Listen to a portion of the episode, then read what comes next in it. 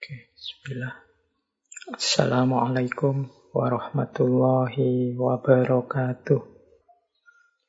Bismillahirrahmanirrahim. Alhamdulillahirabbil alamin. Wa bihi nasta'inu ala umurid dunya waddin. Allahumma sholli wa sallim wa barik ala habibina wa syafi'ina Sayyidina wa maulana Muhammadin wa ala alihi wa ashabihi wa man tabi'ahum bi ihsanin ila yaumiddin. Amma ba'du. Bismillah. Mari teman-teman kita lanjutkan lagi ngaji filsafat kita. Malam hari ini kita masih ada di sesi tentang cinta di minggu yang terakhir di bulan ini. Semoga tidak bosan ya. Mungkin teman-teman sudah kenyang satu bulan ini kita ngomong tentang cinta-cinta terus. Tidak masalah. Dikuat-kuatkan, disabar-sabarkan untuk istiqomah ngaji. Pelan-pelan kita nambah ilmu, nambah wawasan sedikit demi sedikit. Semoga bisa dapat manfaatnya. Alhamdulillah kalau Allah ridho dan berkenan nambah barokahnya. Yo, ngaji kita ini sudah, saya tidak tahu sudah nyampe ke 300 apa belum kelihatannya yo hampir Sekali dua kali lagi sudah nyampe ke sesi 300. Ya mestinya seperti kalau saya lihat di banyak channel-channel YouTube besar itu komen-komennya isinya biasanya wah ini daging semua ini. Tapi untuk ngaji filsafat saya tidak berani bilang ngaji kita ini isinya daging semua. Pasti tidak daging semua. Yo mungkin ada tulangnya, mungkin ada kulitnya, mungkin ada bulunya. Teman-teman yang mendengarkan ngaji, mengikuti ngaji, ya pilih sendiri, cari sendiri yang cocok. Mungkin ada yang suka daging, Alhamdulillah semoga ada ya dedelan-dedelan kecil dagingnya. Yang suka tulang mungkin Alhamdulillah Cari sendiri mana bagian tulangnya, mana bagian kulitnya. Silahkan milih sendiri, mencari sendiri mana yang suka, mana yang sesuai. Yang tidak sesuai, buang saja. Dan mungkin ada yang suka tulang, ada yang suka kulit. Yang senang daging juga jangan menyalahkan. Karena selera dan situasi orang itu beda-beda.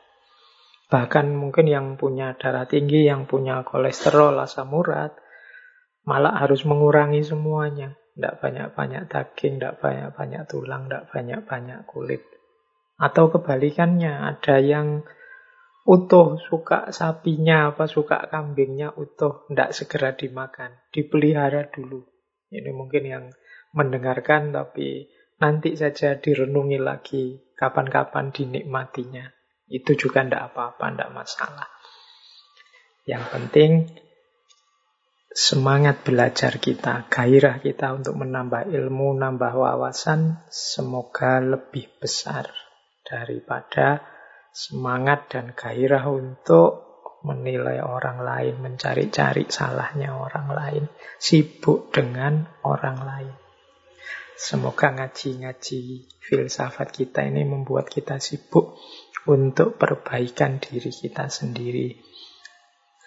Baik, ini sesi terakhir kita malam hari ini kita mencoba menggali pandangan-pandangan cinta yang ada di novel seorang ulama besar kita, pujangga kita, yaitu beliau Hamka di novel yang judulnya Tenggelamnya Kapal Van der Wijk.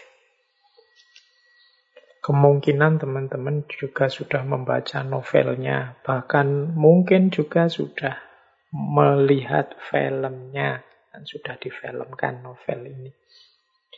Ya malam hari ini kita belajar mencari, mengais-ngais sedikit siapa tahu dari novel ini ada wawasan-wawasan cinta yang ternyata relevan untuk hidup kita. Kalau tentang pengarangnya sendiri sih kita tidak ragu lagi ya. Karena beliau ini kapasitas keilmuannya tidak perlu dipertanyakan lagi.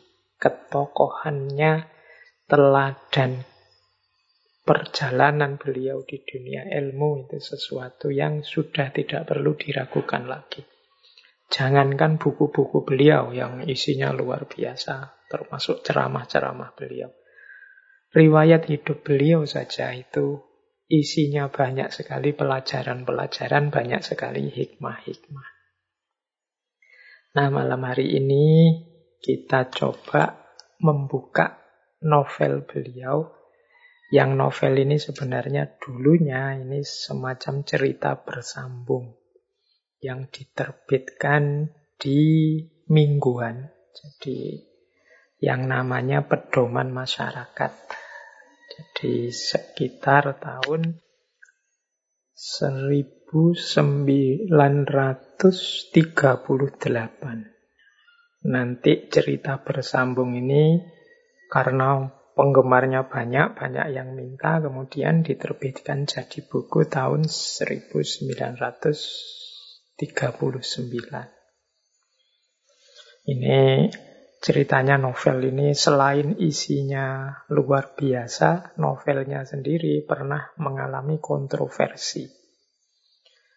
Dulu ada beberapa orang dari kelompok Lekra. Lekra itu organisasi kebudayaan sayap kiri di Indonesia. Sering dianggap underbownya PKI karena yang mendirikan Aidit dan kawan-kawan. Lekra itu kepanjangannya Lembaga Kebudayaan Rakyat.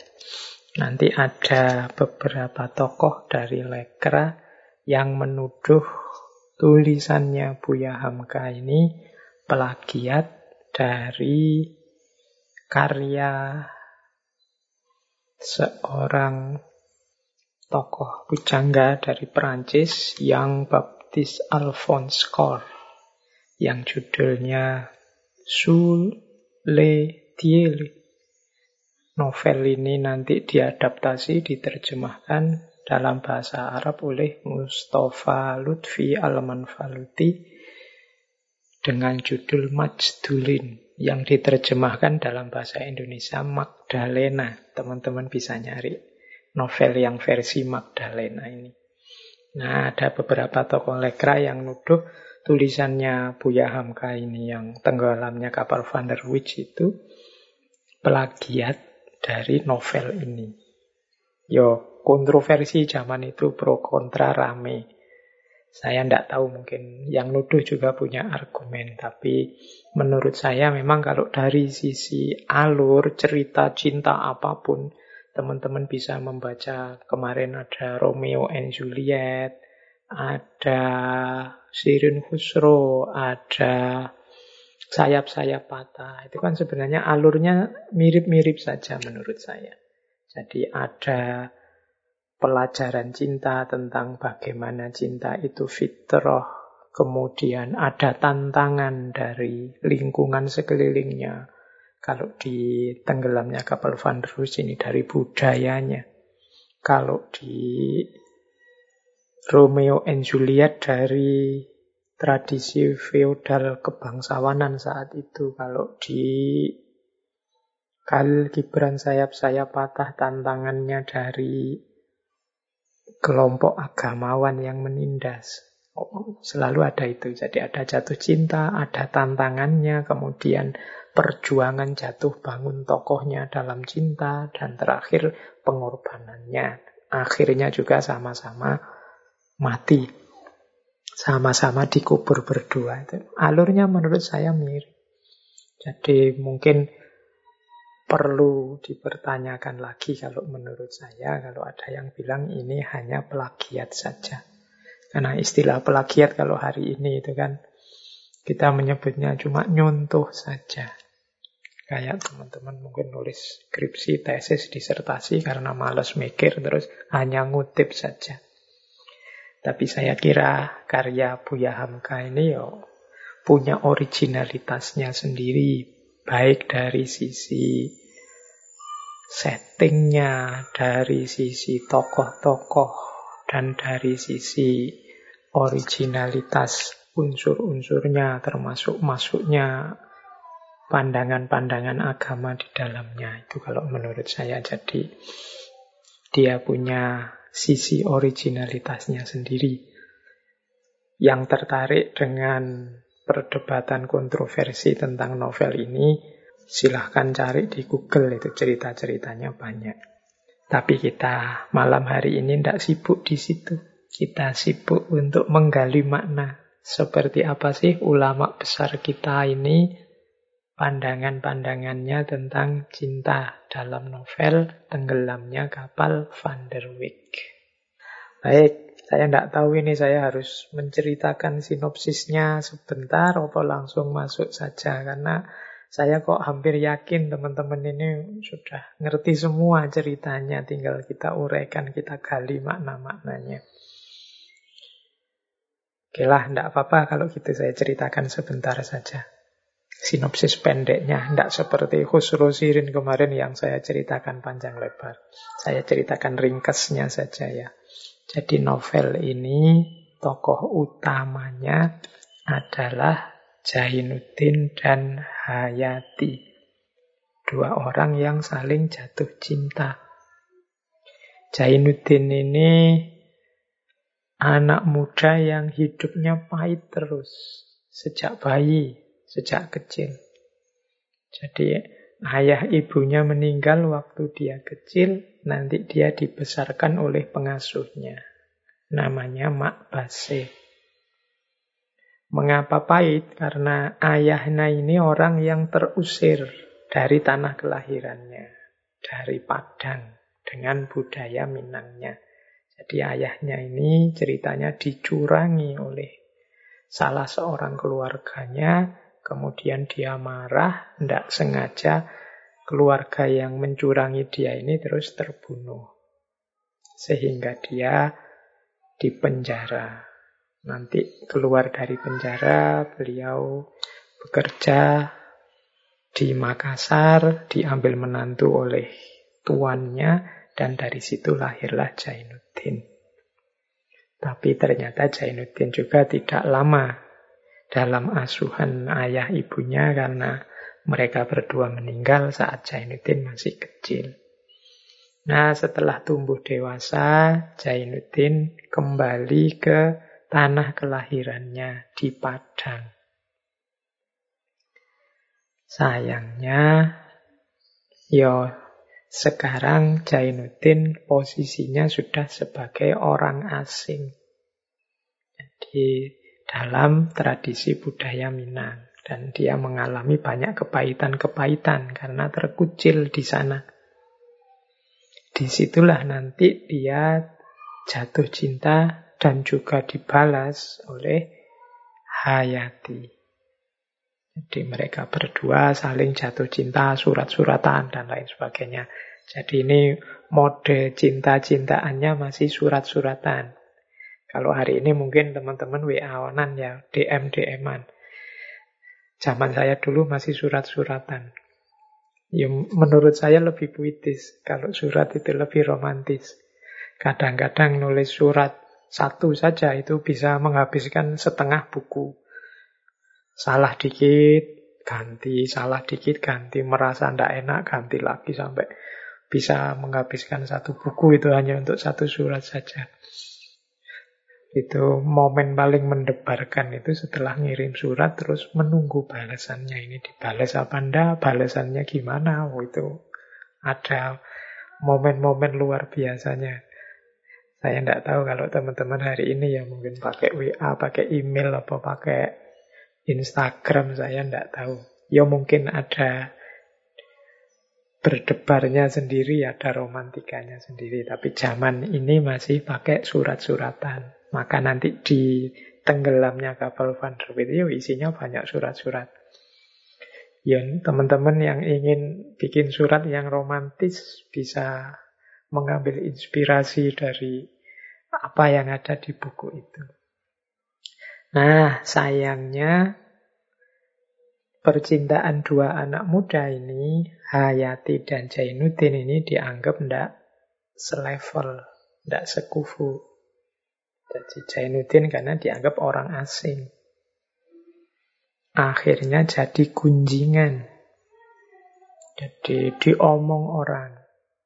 Ini sehingga orang-orang yang dekat dengan Zainuddin dan dekat dengan Hayati kemudian mencoba untuk menasihati mereka, Mbok yo, ndak usah cinta-cintaan, nanti malah susah loh kalian berdua ini karena ndak ndak selevel, ndak cocok. Nah, karena ingin menjaga Hayati, Hayati juga karena kasihan pada Jainuddin, akhirnya Jainuddin ini menjauh dari dekatnya Hayati dari daerah mereka tinggal. Daerahnya namanya Batipuh. Jadi tinggal di tempat yang jauh biar gunjingan itu hilang. Sekalian nanti Jainuddin sambil belajar juga bekerja untuk mengumpulkan uang, mengumpulkan biaya, siapa tahu nanti bisa melamar Hayati. Yo, surat-suratannya tetap jalan terus meskipun jauh. Nah, peristiwa tragisnya kemudian muncul setelah ini. Jadi yang pertama nanti pengasuhnya Jainuddin yang tadi namanya Mak Base ini meninggal dan meninggalkan warisan, tinggalan orang tuanya dulu. Nah, dengan bekal warisan ini Jainuddin kemudian bertekad akan melamar Hayati.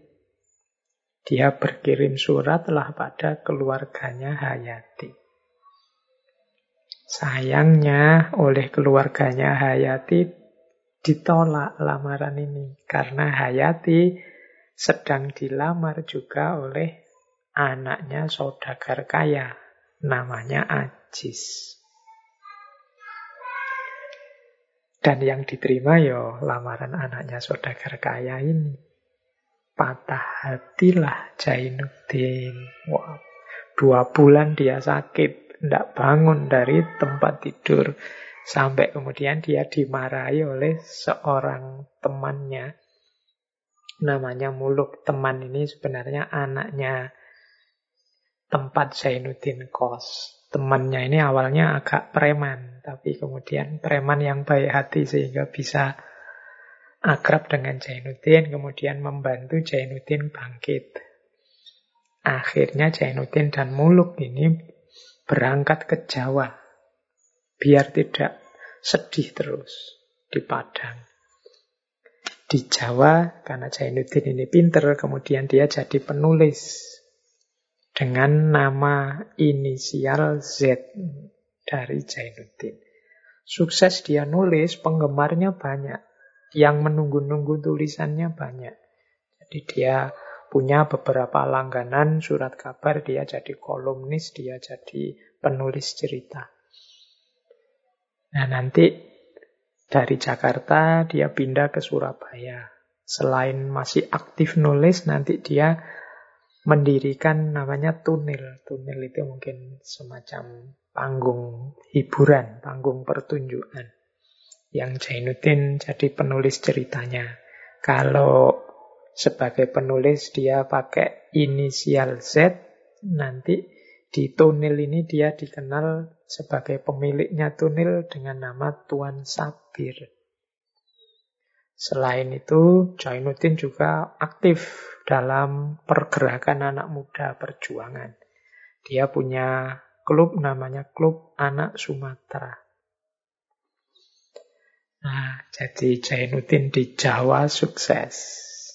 Nah, di Surabaya inilah, di tengah-tengah kesuksesannya nanti hadir kembali Hayati dengan suaminya Ajis. Jadi Hayati dan Aziz ini bergabung dengan aktivitas klub anak-anak Sumatera. Bahkan nanti bersahabat dengan Jainuddin. Tapi Jainuddin sudah bukan Jainuddin yang dulu, dia sudah dingin karena kecewa pada Hayati. Jadi dia sudah acuh kalau bertemu dengan Hayati. Ini sangat menyakitkan bagi Hayati. Nah, sampai ada ketika Aziz bangkrut, stres, jatuh sakit. Tidak punya rumah lagi, rumahnya disita. Dan Hayati dan Aziz akhirnya pindah ke rumahnya Jainuddin. Mereka bertiga hidup di rumah yang sama. Tapi saya bilang tadi, Jainuddin sudah bergaya, tidak lagi peduli dengan cintanya yang lama. Nah, cerita selanjutnya Aziz ini yang bangkrut, yang stres, yang bahkan sakit beberapa lama, kemudian pamit ke Banyuwangi untuk mencari pekerjaan. Tapi nanti sesampainya di Banyuwangi dia malah bunuh diri. Karena mungkin kecewa, depresi dengan kejatuhannya. Dia mengirim surat pada Jainuddin yang isinya mengembalikan Hayati pada Jainuddin. Tapi Jainuddin yang masih kecewa, meskipun sebenarnya ya masih cinta, karena di ruangan kamarnya Jainuddin itu masih penuh gambarnya Hayati. Tapi dia melampiaskan kecewa, dendam cintanya pada Hayati dengan cara dingin dan tidak peduli. Akhirnya Hayati disuruh pulang oleh Jainuddin, disuruh pulang ke Padang. Di situlah nanti terlibatnya kapal Van der Wijk karena Hayati pulang ke Padang dari Surabaya naik kapal Van der Wijk. Kemudian terjadi bencana, kapalnya tenggelam, Jainuddin sungguh menyesal, akhirnya dia juga jatuh sakit, akhirnya meninggal dan dikubur bersama. Akhirnya sama ya dengan banyak cerita-cerita novel yang kita angkat bulan ini. Oke, sekarang kita gali ada makna-makna cinta apa saja di balik novel itu. Sekedar informasi ya untuk teman-teman tentang kapal Van der Wijk ini. Yo memang digunakan oleh Buya Hamka di novel beliau. Tapi kapal ini bukan kapal fiktif. Kapal Van der Wijk ini memang benar-benar ada. Jadi kapal ini milik maskapai pelayaran Belanda saat itu. Nama Van der Wijk itu diambil dari nama Gubernur Jenderal Hindia Belanda namanya Karel Herman Ad van der Wijk. Dia ini berkuasa tahun 1893 sampai 1899. Yo kapal ini populer sebenarnya. Dulu misalnya Muhammad Hatta dan Sultan Syahrir ketika dibuang ke Ndigul itu juga naik kapal Van der Wijk ini.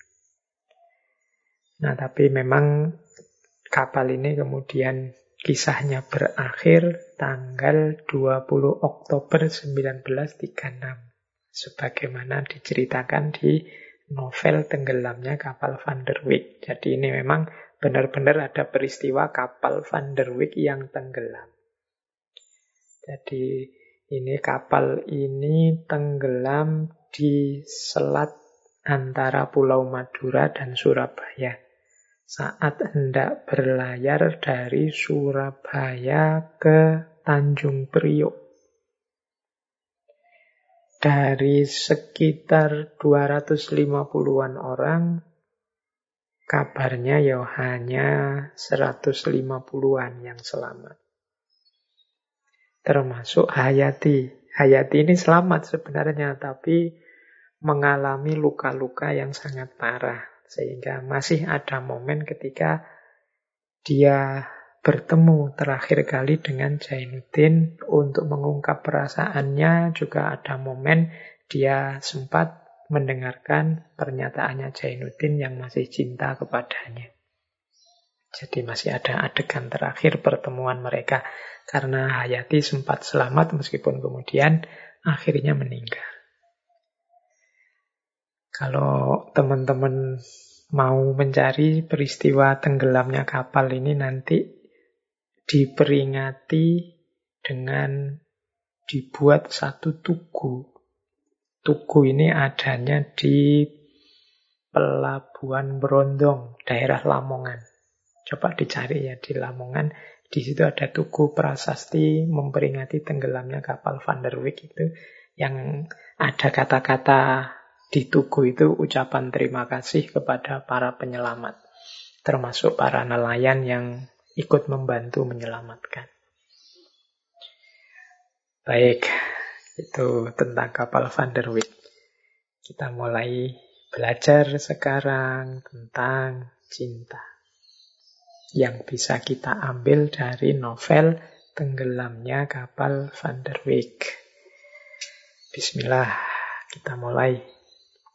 Yang pertama, ini saya ambil dari potongan-potongan yang ada di novel. Pelajaran pertama yang ingin saya sampaikan dari bagian-bagian novel itu tentang cinta adalah jalan masuk dan jalan keluarnya cinta. Di novel Tenggelamnya Kapal Van der Wijk ini, ternyata ada satu pandangan yang menurut saya menarik. Menurut Buya Habka, jalan masuknya cinta yang paling mudah itu adalah rasa kasihan. Tapi nanti rasa kasihan ini juga kalau tidak hati-hati juga akan menjadi jalan keluarnya cinta. Jalan hilangnya cinta. Coba kita lihat ya kalimat-kalimat yang menunjukkan itu di novel Tenggelamnya Kapal Van der Wijk. Dan cinta adalah melalui beberapa pintu ada dari pintu sayang, ada dari pintu kasih, ada dari pintu rindu. Tetapi yang paling aman dan kekal ialah cinta yang melalui pintu kasihan itu.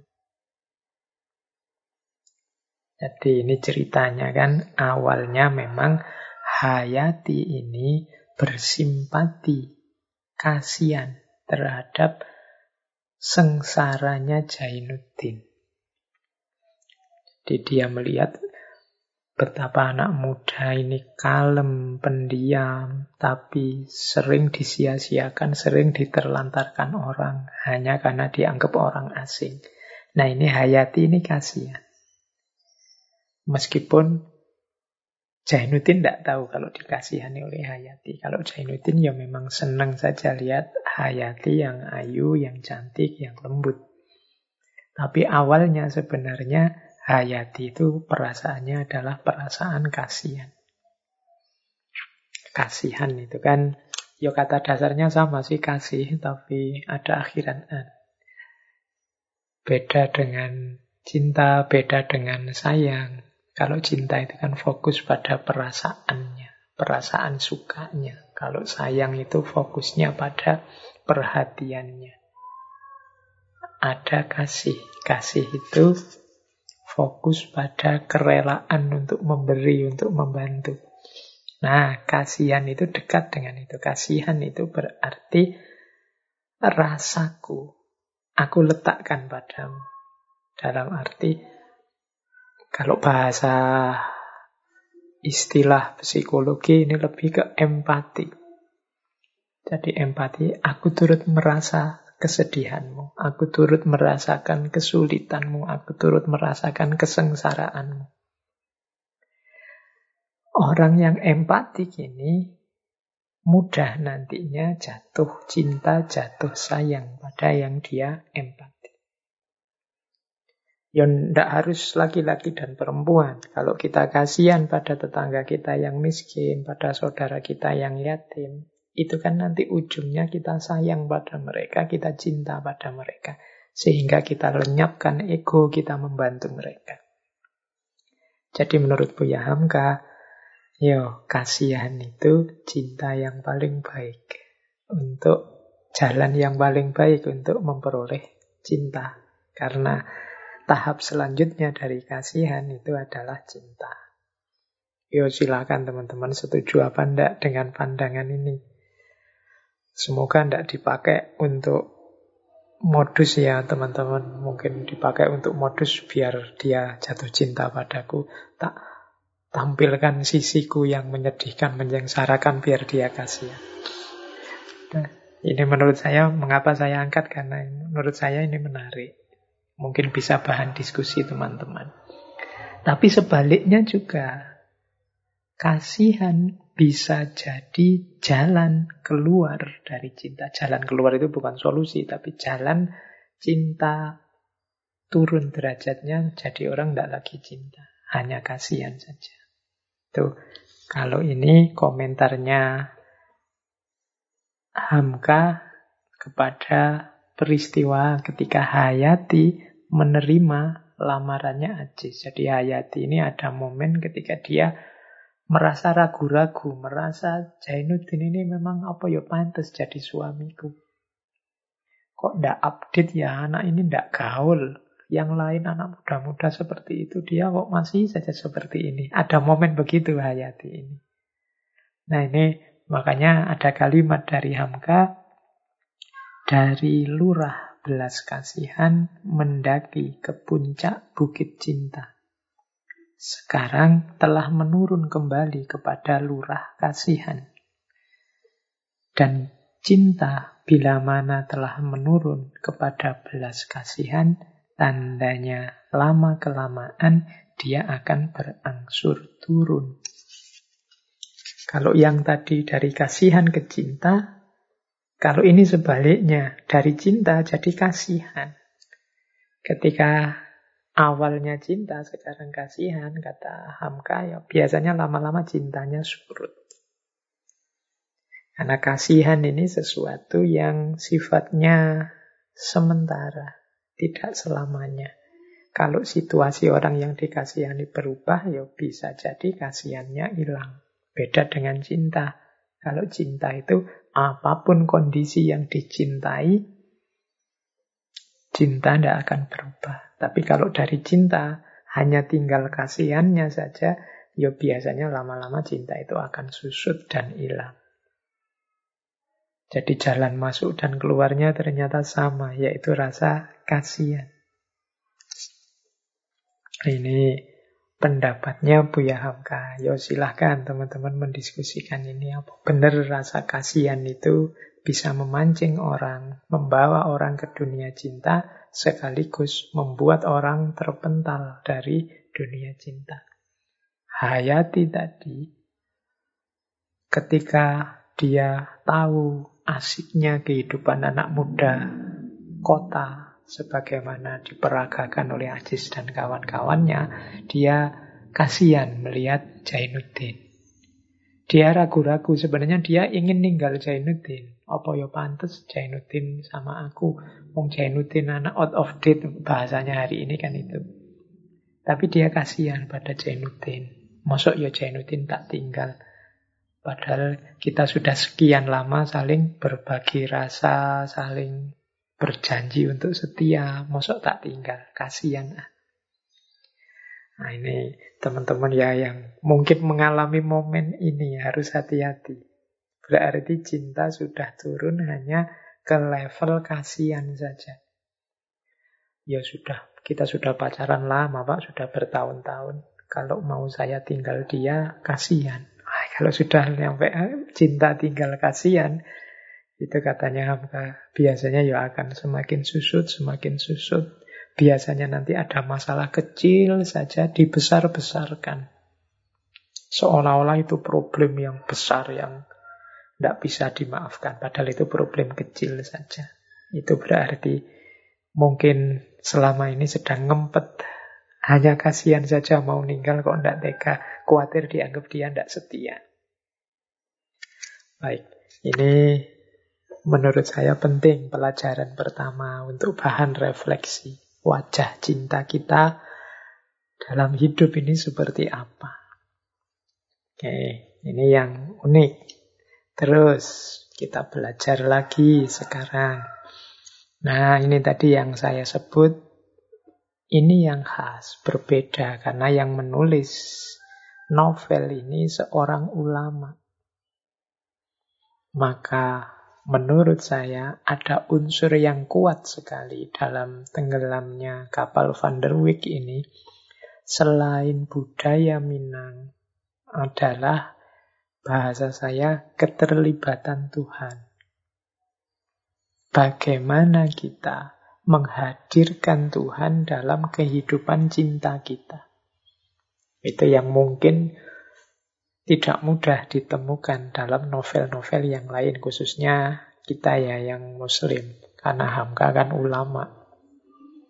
Ada banyak sebenarnya bagian-bagian dari novel itu yang menunjukkan hubungan antara laki-laki dan perempuan menerima bahwa cinta itu fitrah, cinta itu anugerah.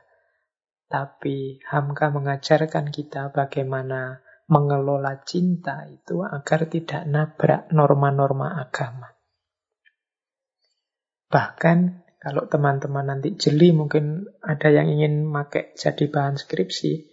Kalau sekedar budaya Minang, jadi tentang budaya Minangnya yang agak keras sehingga membuat Jainuddin dan Hayati susah, itu di beberapa bagian novel itu ada nada kritiknya. Kalau yang tentang budaya Minang, tapi kalau yang tentang syariat ketuhanan itu kelihatan memang Hamka ingin kuat di situ. Tidak boleh nabrak, melanggar norma-norma yang sudah ditetapkan oleh Tuhan. Meskipun sudah jatuh cinta.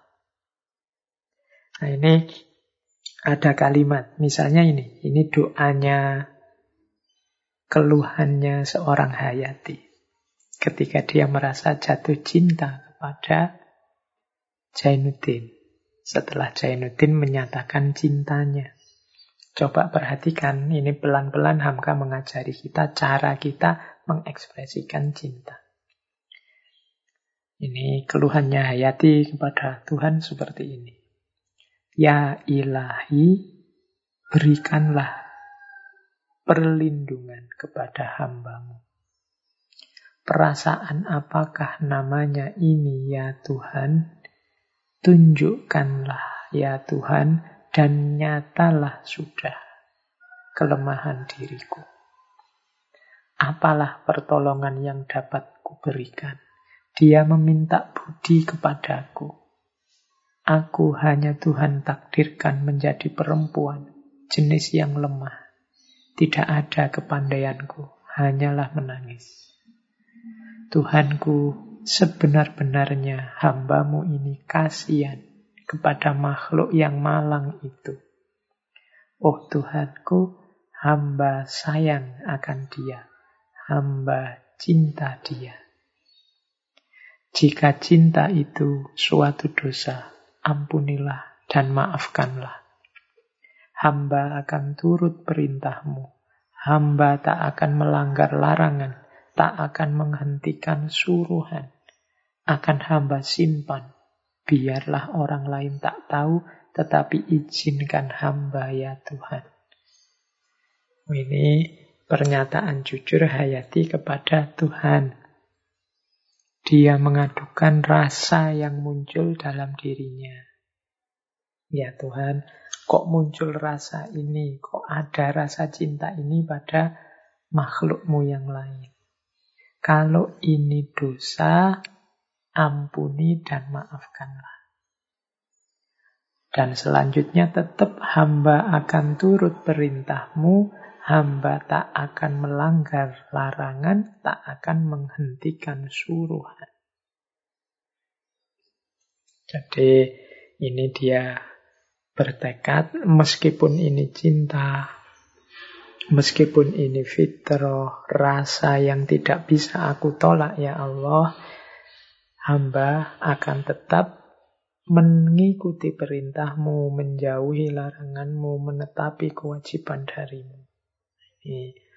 Ini, menurut saya ini pelajaran dari Buya Hamka. Cinta yo cinta, tapi tolong jangan diekspresikan di jalan yang melanggar perintahnya, nabrak kewajiban kita, kemudian membantah kebaikan, kebenaran yang sampai pada kita. Meskipun itu ya hijau cinta. Ini kalau saya ini bisa diperluas, tidak hanya cinta laki-laki dan perempuan. Cinta kita pada apa pun, jangan sampai nabrak Allah di level apa pun. Sering saya sampaikan, cinta yang ada dalam diri kita itu anugerah yang luar biasa dikaruniakan oleh Allah pada kita. Kita jadikan cinta itu kendaraan kita untuk menuju Allah.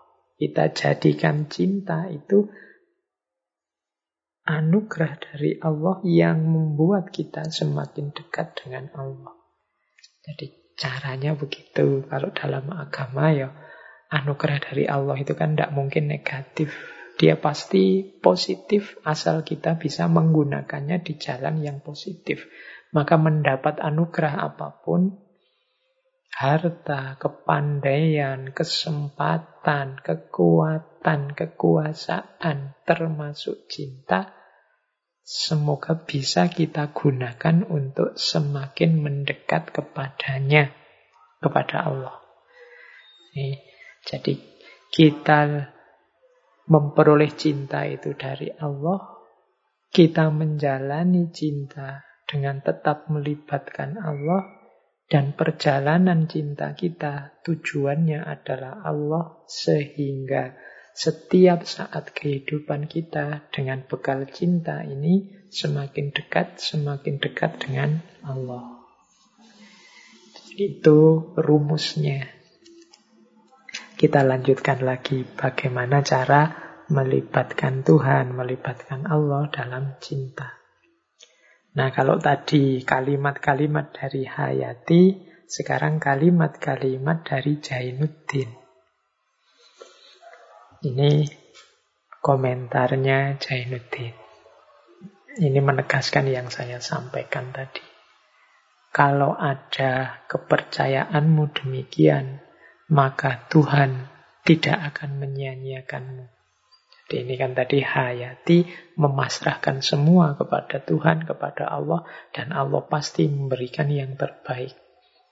Dan disambut oleh Zainuddin, kalau kepercayaanmu demikian, maka Tuhan tidak akan menyia-nyiakanmu. Ini kalau bahasa hadis kutsinya, ana indadhoni abdi. Kalau kita punya prasangka positif, ya insya Allah itulah yang akan terjadi. Sembahlah dia dengan khusyuk. Ingat dia di waktu kita senang. Supaya dia ingat kepada kita di waktu kita sengsara. Dialah yang akan membimbing tanganmu Dialah yang akan menunjukkan haluan hidup kepadamu. Dialah yang akan menerangi jalan yang gelap. Jangan takut menghadapi cinta. Ketahuilah bahwa Allah yang menjadikan matahari dan memberinya cahaya. Allah yang menjadikan bunga dan memberinya wangi. Allah yang menjadikan tubuh dan memberinya nyawa. Allah yang menjadikan mata dan memberinya penglihatan. Maka Allah pula lah yang menjadikan hati dan memberinya cinta. Jika hatimu diberinya nikmat pula dengan cinta, sebagaimana hatiku, marilah kita pelihara nikmat itu sebaik-baiknya. Kita jaga dan kita pupuk kita pelihara supaya jangan dicabut kembali oleh Tuhan. Cinta adalah irodat Tuhan. Dikirimnya ke dunia supaya tumbuh. Kalau dia terletak di atas tanah yang lekang dan tandus, tumbuhnya akan menyiksa orang lain. Kalau dia datang kepada hati yang keruh dan kepada budi yang rendah, dia akan membawa kerusakan. Tetapi jika dia hinggap kepada hati yang suci, dia akan mewariskan kemuliaan, keikhlasan, dan taat kepada ilahi.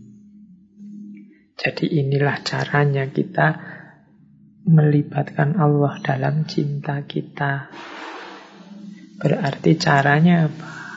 Kita hidupkan cinta sesuai dengan jalan yang diridhoi oleh Allah.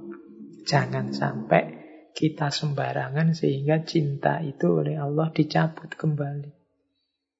Ini boleh jadi bahan refleksi kita. Misalnya kita jatuh cinta, sekian lama sudah berjanji sehidup semati. Kok tiba-tiba rasa cinta itu rasanya kok semakin berkurang atau bahkan hilang. Mari kita refleksi, jangan-jangan cinta itu kita hidupkan dengan cara atau di jalan yang tidak diridhoi oleh Allah. Dengan jalan yang membuat Allah tidak berkenan. Yus teman-teman ngerti sendirilah seperti apa jalan yang Allah tidak berkenan itu. Sekarang begitu menggebu-gebu, besok kok tidak ada rasa lagi ya. Dekat denganmu, melihatmu, sudah tidak ada getarannya lagi. Jangan-jangan itu isyarat cinta di dada kita, di hati kita sudah diangkat oleh Allah. Karena kita salah menggunakannya. Kita, kalau dokter itu kita malpraktek. Salah pakai. Jalannya keliru. Semakin menjauh dari Allah sehingga Allah mencabutnya. Maka mari kita hidupkan cinta, mari kita hidupkan kasih sayang dalam hidup ini di jalan yang diridhoi oleh Allah. Jangan sampai Allah mencabut kasih sayang yang sudah dianugerahkannya pada kita. Baik, jadi ini kedua hikmah kedua yang bisa kita ambil. Tadi hikmah pertama tentang cinta dan rasa kasihan. Sekarang tentang cinta yang melibatkan Tuhan. Oke, kita lanjutkan. Boleh ambil nafas sebentar, minum-minum dulu. Biar tidak terlalu penuh isi kepalanya. Diberi space dulu sedikit-sedikit. Baik, kita lanjutkan.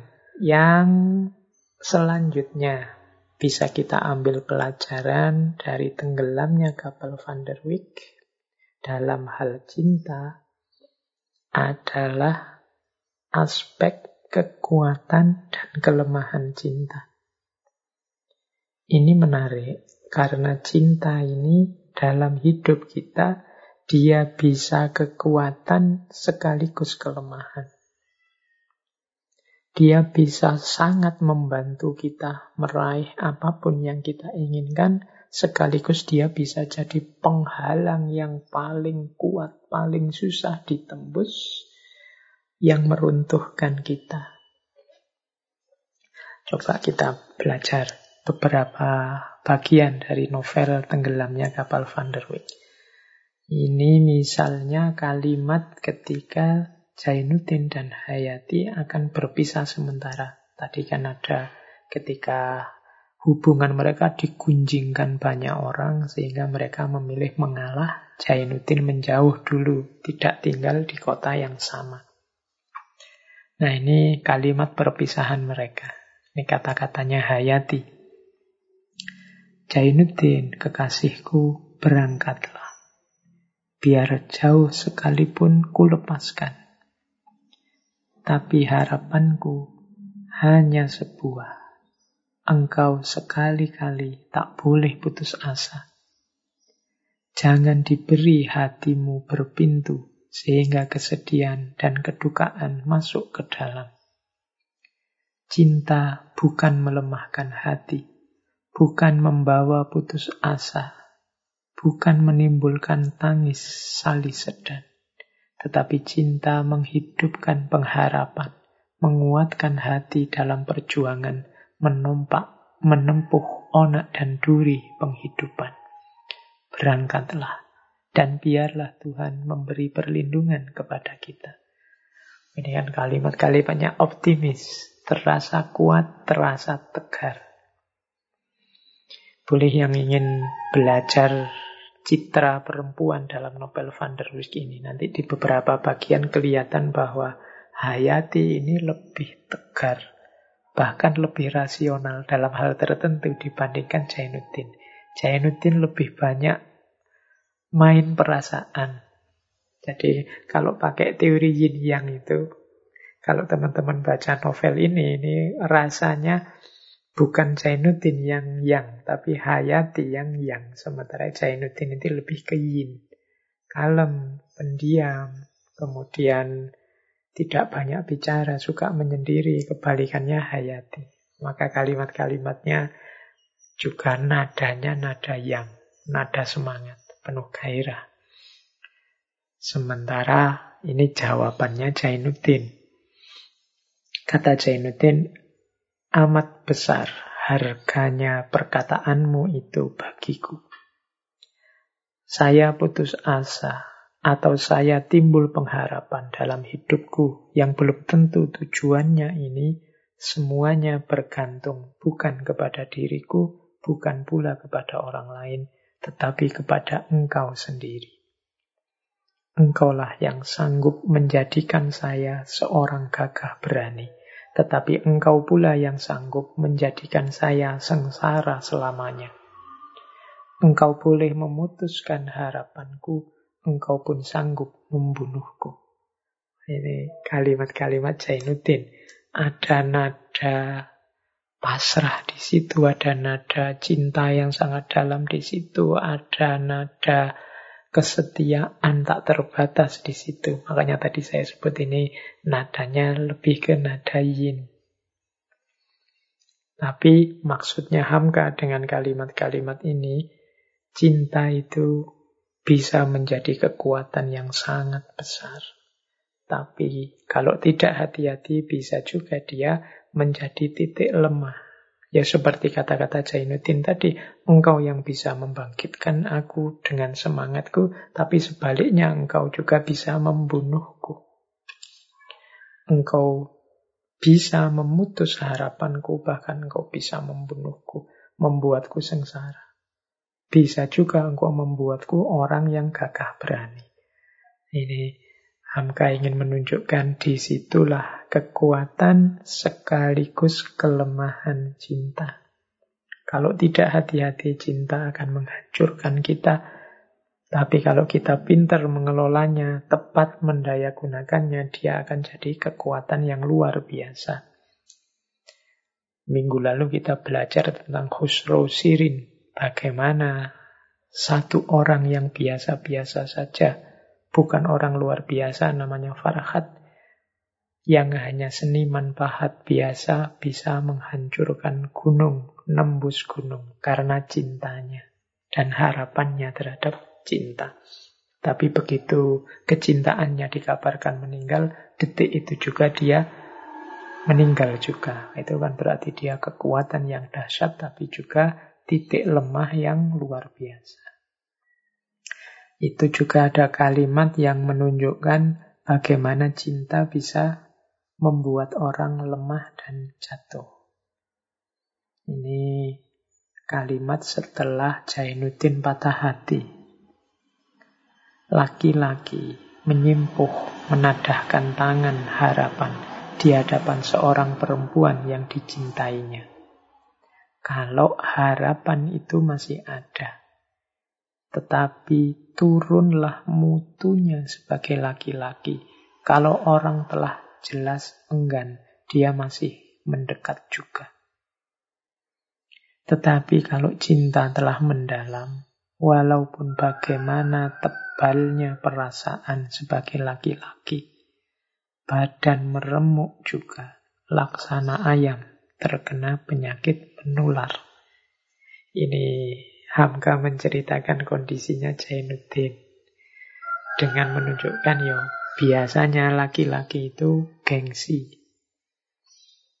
Biasanya laki-laki itu yo yang jantan adalah tidak mungkin dia mengemis-ngemis minta diterima cintanya. Apalagi sudah jelas ditolak. Kalau ada laki-laki yang seperti ini, yo jangan ngaku laki-laki. Turunlah mutunya sebagai laki-laki kalau orang telah jelas enggan, dia masih mendekat juga. Semoga tidak ada yang tersinggung ya dengan kalimatnya Buya Hamka ini. Kalau ditolak ya sudah, tidak diterima ya sudah.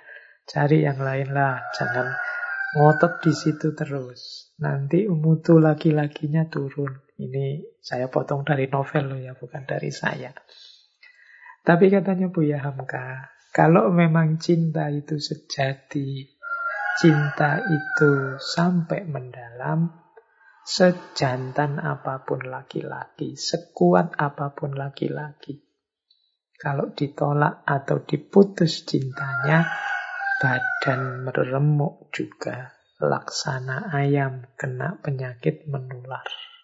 Nah, jadi tidak usah gaya jantan karena kalau itu memang benar cinta, ditolak dipatahkan cintamu, ya badanmu akan meremuk juga, laksana ayam kena penyakit menular. Stres juga, depresi juga, jatuh juga, bahkan Jainuddin sakit, tidak bisa bangun dari kasurnya sampai dua bulan.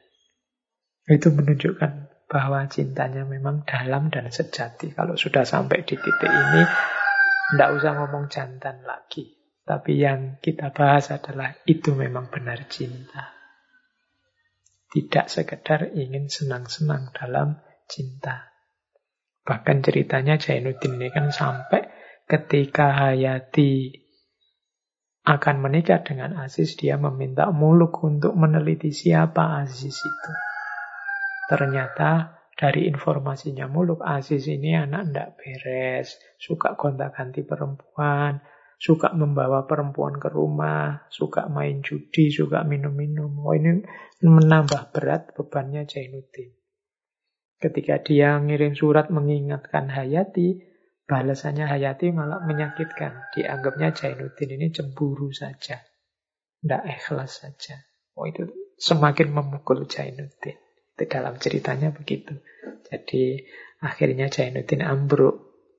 Untung saja dia punya seorang sahabat, meskipun mantan preman, namanya Muluk. Muluk inilah nanti yang membesarkan hatinya Jainuddin, membangkitkan dia kembali dari kekecewaan-kekecewaannya. Baik, jadi pelajaran kesekian dari Buya Hamka tentang cinta. Cinta adalah kekuatan dan sekaligus kelemahan teman-teman yang oleh Allah dianugerahi dengan cinta, kelolalah itu dengan baik. Seperti saya jelaskan ketika sesi Khusro dan Sirin. Energi cintamu manfaatkan untuk hal-hal yang positif, yang manfaat, yang maslahat. Baik untuk kalian berdua maupun syukur-syukur bisa untuk lingkunganmu masyarakat secara umum. Jangan melakukan hal-hal yang terlarang. Apalagi dilarang oleh Allah, apalagi dimurkai Allah.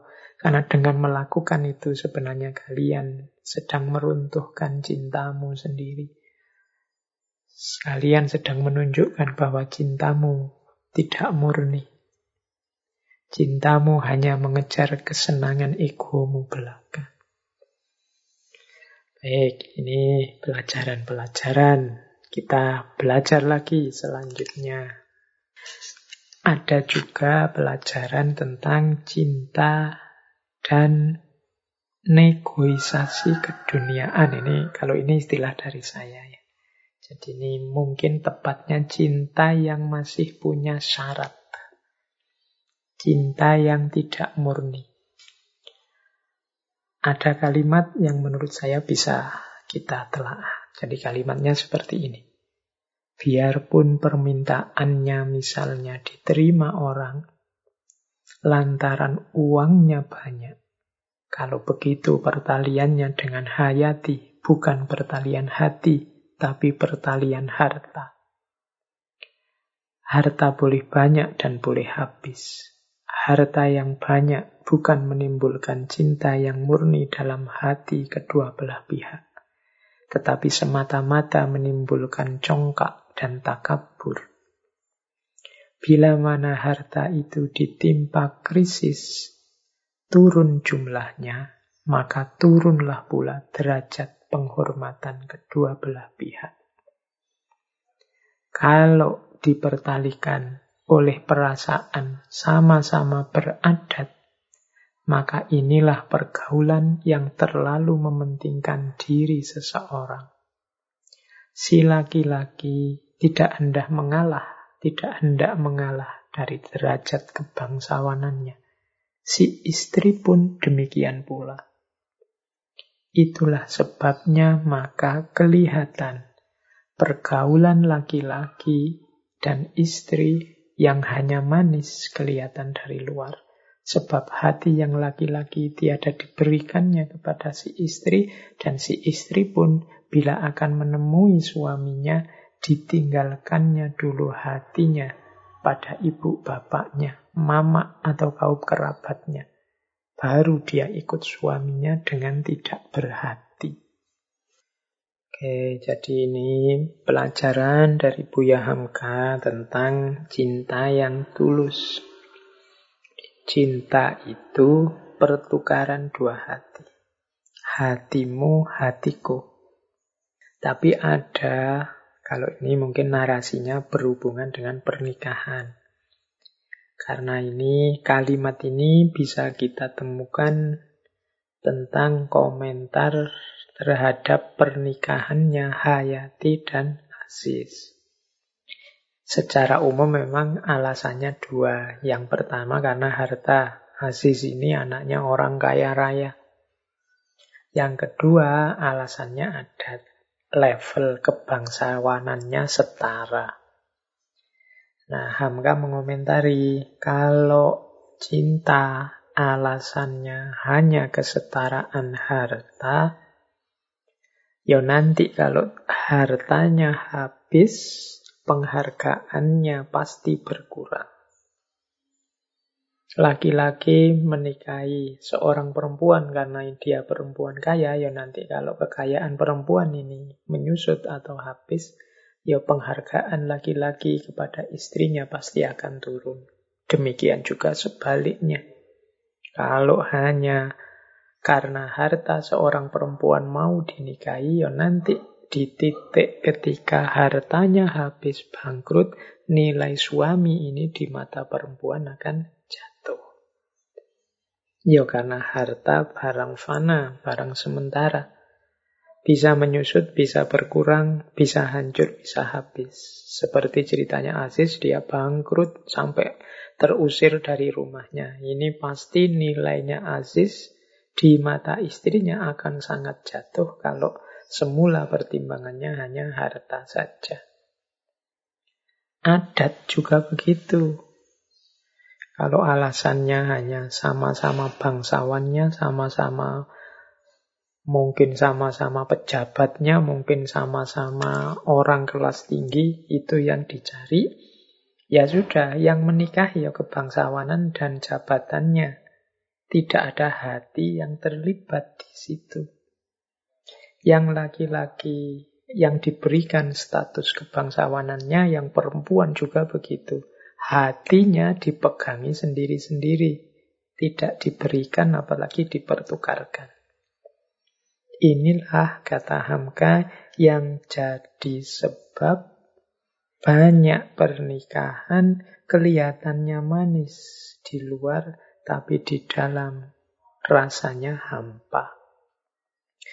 Mengapa kelihatan manis di luar? Karena menjaga gengsi kebangsawanannya, menjaga gengsi statusnya, biar tidak kelihatan. Tapi di dalam dalam kehidupan bersama rasanya hampa. Biasanya terus kalau ada masalah sedikit saja terus rame berpisah. Ini cerita-cerita seperti ini kan banyak. awalnya adalah kata Hamka karena tidak ada pertalian hati, tapi pertalian harta atau pertalian status jabatan kebangsawanan. Ini juga pelajaran jadi dari Buya Hamka untuk kita. Ya kalau dalam agama itu kan harta sebenarnya boleh jadi pertimbangan, keturunan atau status juga boleh jadi pertimbangan. Tapi yang diutamakan pertama-tama ya akhlaknya. Akhlak itu kan nanti urusannya hati. Jadi para ini parameter-parameternya ketika kita ingin menikah. Tapi dasarnya harusnya yang paling awal itu hatinya memang cocok, memang seret, ada passionnya, ada rasanya. Ini dalam membangun rumah tangga akan lebih mudah. Jadi perkawinan yang dilandasi pertukaran dua hati. Kalau begitu dijodohkan itu tidak bagus ya Pak. Bagus saja kalau dua-duanya bersedia saling memberikan hatinya. Kalau tidak, yaitu nanti akan sangat berat. Jadi tidak ada urusannya dengan dijodohkan atau tidak, tapi kesediaan dua orang untuk saling menerima dan saling memberikan hatinya. Tidak hanya karena negosiasi melihat hartanya atau melihat statusnya, kalau hari ini jangan-jangan di antara status itu ya status jomblo atau tidak jomblo. Yang penting aku tidak jomblo, nikah sama siapa sajalah. Nah ini ini juga tidak bagus. Asal nikah. Ya seandainya memang harus nikah dengan siapa yang kita belum terlalu mendalam dengan dia, pastikan bahwa kalian berdua sama-sama siap dan sedia memberikan hati biar kehidupan kalian berdua tidak hampa. Kalau hanya satu yang siap memberikan hatinya, yang satu berjuanglah untuk biar hati yang lain diberikan. Kalau sama-sama belum bisa memberikan hati, ya berjuang berdua. Karena betapapun institusi pernikahan, perkawinan, bukan institusi yang main-main yang bisa tidak cocok ya cerai gitu saja. Tidak sesederhana itu. Baik, kita lanjutkan. Jadi ini pelajaran selanjutnya dari Buya Hamka, dari tenggelamnya kapal Van der Wijk. Kita mulai sekarang pelajaran-pelajaran patah hatinya. Ini bagian yang menyakitkan. Gimana sih mengatasi patah hati itu dalam cinta setelah Jainuddin dalam tanda petik ya dikhianati, dikecewakan secara luar biasa. Dia mengalami banyak momen-momen menyakitkan. Pada akhirnya, kalau di Buya Hamka, solusi yang ditawarkan adalah meskipun tidak menjadi suami istri, tapi tetap menjadi sahabat yang saling perhatian. Harusnya begitu katanya Buya Hamka. Meskipun di awal-awal kelihatan justru Hayati menghindari Jainuddin. Hayati dinasehati macam-macam oleh Jainuddin diperingatkan betapa bahayanya pernikahanmu dengan seorang Aziz tapi Hayati tidak peduli. Ini membuat Jainuddin semakin drop.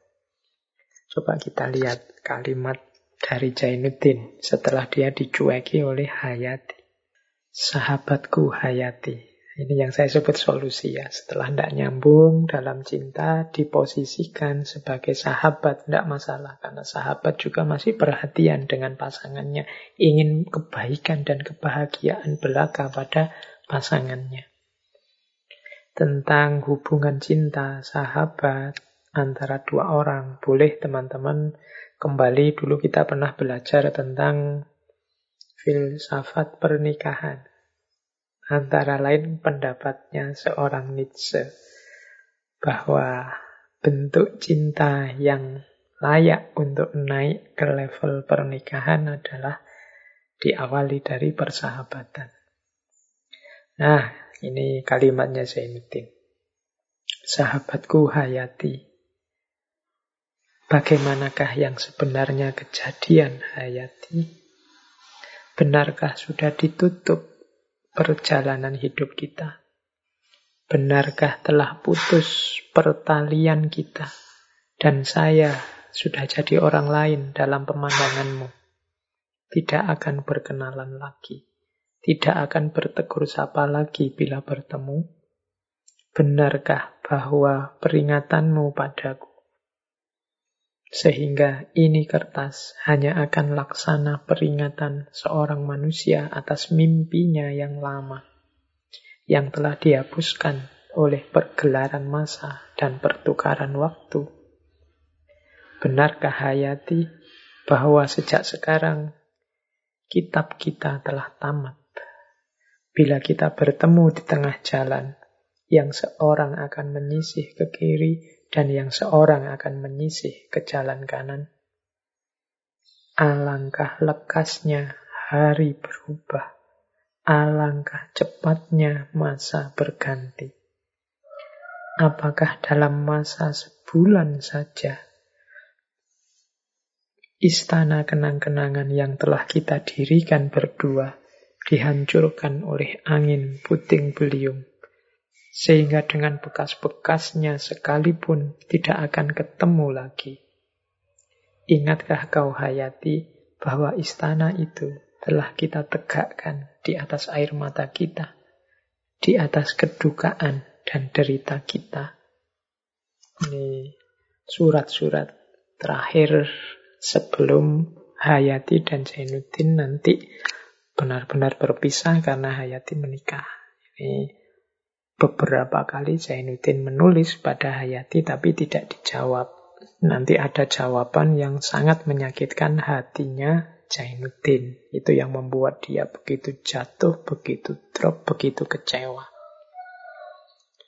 Jadi ini kalau di Buya Hamka ya sebenarnya seandainya putus orang yang kita cintai menikah dengan orang lain tidak masalah. Toh dua orang itu bisa masih menjadi sahabat. Tidak suami istri, tapi masih saling peduli, saling memperhatikan. Masih saling mengingatkan kalau yang lain ada dalam bahaya. Tapi ternyata keinginan yang disampaikan lewat jalan Zainuddin ini tidak ditanggapi serius oleh Hayati. Ini yang membuat Zainuddin kecewa. Ini seakan-akan ini pelajaran buat kita ya. Para pecinta itu bukan berarti tamat ceritamu kalau yang dicintai memilih orang lain. Tidak ada urusannya dengan itu. Seperti beberapa sesi cinta sebelumnya. Jadi aku mencintaimu itu tidak ada syarat apa pun. Bahkan aku akan melindungi dari melindungimu dari segala bahaya Termasuk kalau seandainya ternyata aku ini adalah bahaya buatmu, ya aku akan minggir. Jadi ini semangat cinta yang sejati. Yo diucapkan gini memang puitis indah, tapi dilaksanakan memang berat. Kebanyakan kita yo kalau pas putus ya ceritanya kayak Jainuddin dan Hayati ini saling dendam, saling marah. Bahkan ada yang kemudian saling mengumbar kejelekan. Karena betapapun dua orang yang pernah dekat itu kan mengerti pasangannya sampai titik paling dalam itu yang biasanya kalau bisa terus diumbar ke mana-mana. Menunjukkan bahwa selama ini cintanya belum murni, belum sejati. Hanya menuntut kesenangan egoisnya. Ketika kesenangan ini terganggu, keluarlah, tampaklah aslinya. Tampaklah pamrih-pamrih dari cintanya. Baik, ini pelajaran selanjutnya. Kita lanjutkan lagi. Semoga masih belum capek ya, teman-teman. Tidak apa-apa, ini sesi cinta yang terakhir. Nanti silahkan setelah sesi bulan ini habis, yang ingin mendalami cinta, boleh dirujuk sejak Romeo and Juliet. Di minggu pertama, dilanjutkan kemudian dengan Khalil Gibran, kemudian Khusro Sirin, dan tenggelamnya kapal Van der Wijk. Di situ nanti akan kelihatan pola-pola model-model karakter cinta yang tulus, yang serius. Yang seperti saya bilang tadi, dia melibatkan fitrah, melibatkan tantangan, melibatkan perjuangan, dan melibatkan pengorbanan. Selalu ada empat ini. Yang pertama fitrah, ya cinta itu pastinya fitrah. Dia tumbuh, dia anugerah dari Allah. Tidak bisa dipaksa. Orang tidak bisa pura-pura cinta. Kalau tidak cinta, tidak ada passion, ya tidak. Jadi dia ini fitrah. Yang kedua, selalu saja ada tantangan-tantangan.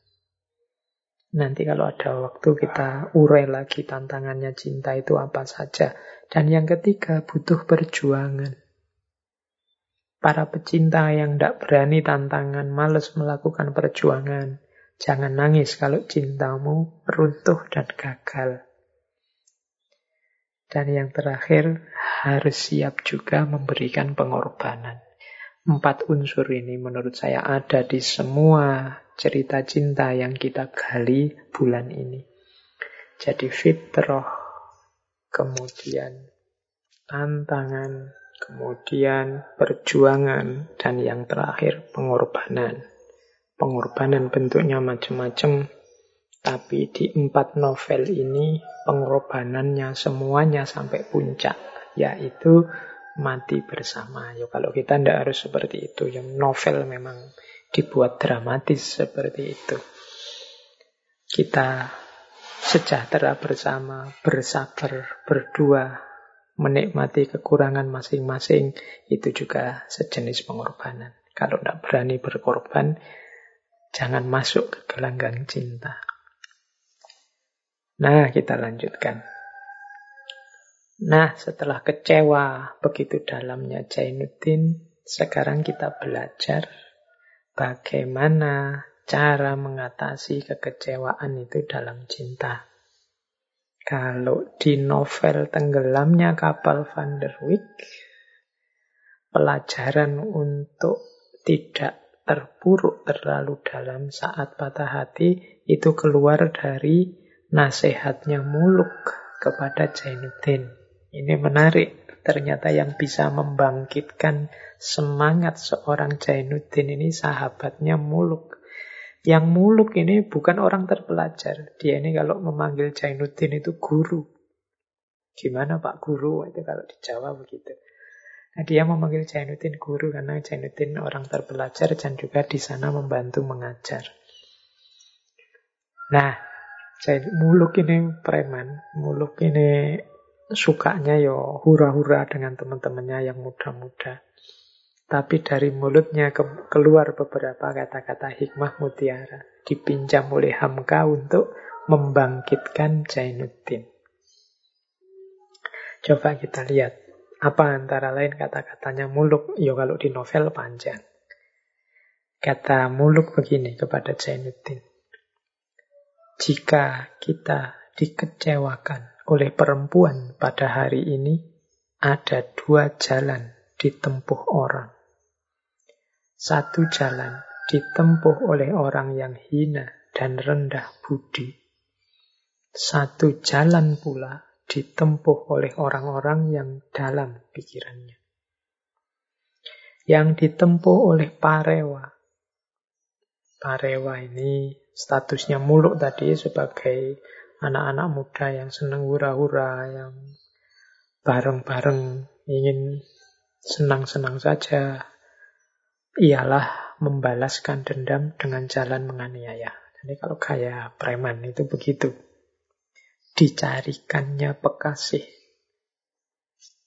Atau penumbuh kebencian. Kian kemari.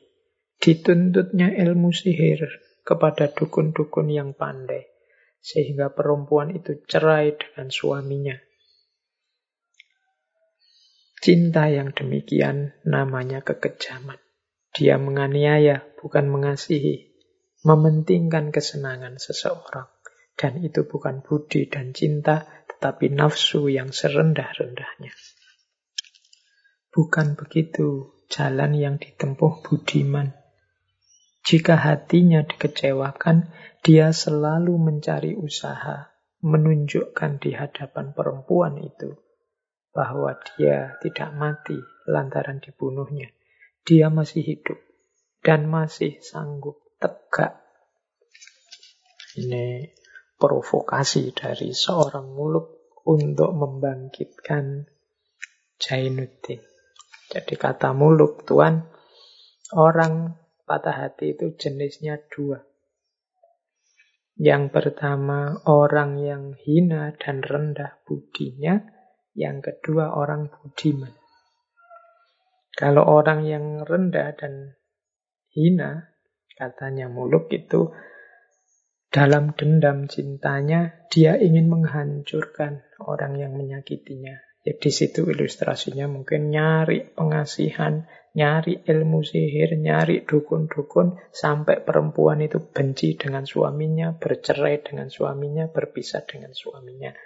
Itu ilustrasi zaman itu ya. Kalau hari ini mungkin membuat fitnah-fitnah, membongkar-bongkar aibnya, dan lain sebagainya. Seperti saya bilang tadi, orang yang bersama lama dan dekat itu kan biasanya ngerti aib-aibnya sampai detail.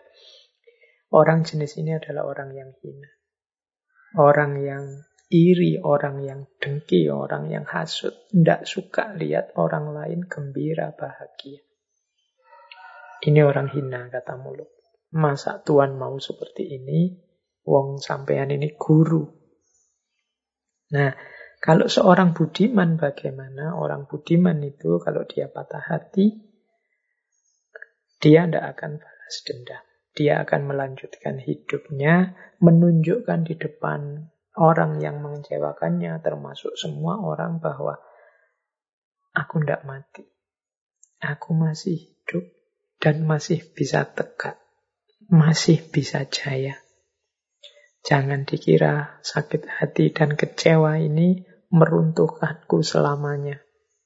Aku masih bisa bangun dan bangkit kembali. Ini nasihatnya mulut. Selanjutnya ada kalimat begini dari mulut. Lihat anak-anak muda zaman sekarang yang menangis terseduh-seduh minta belas kasihan perempuan.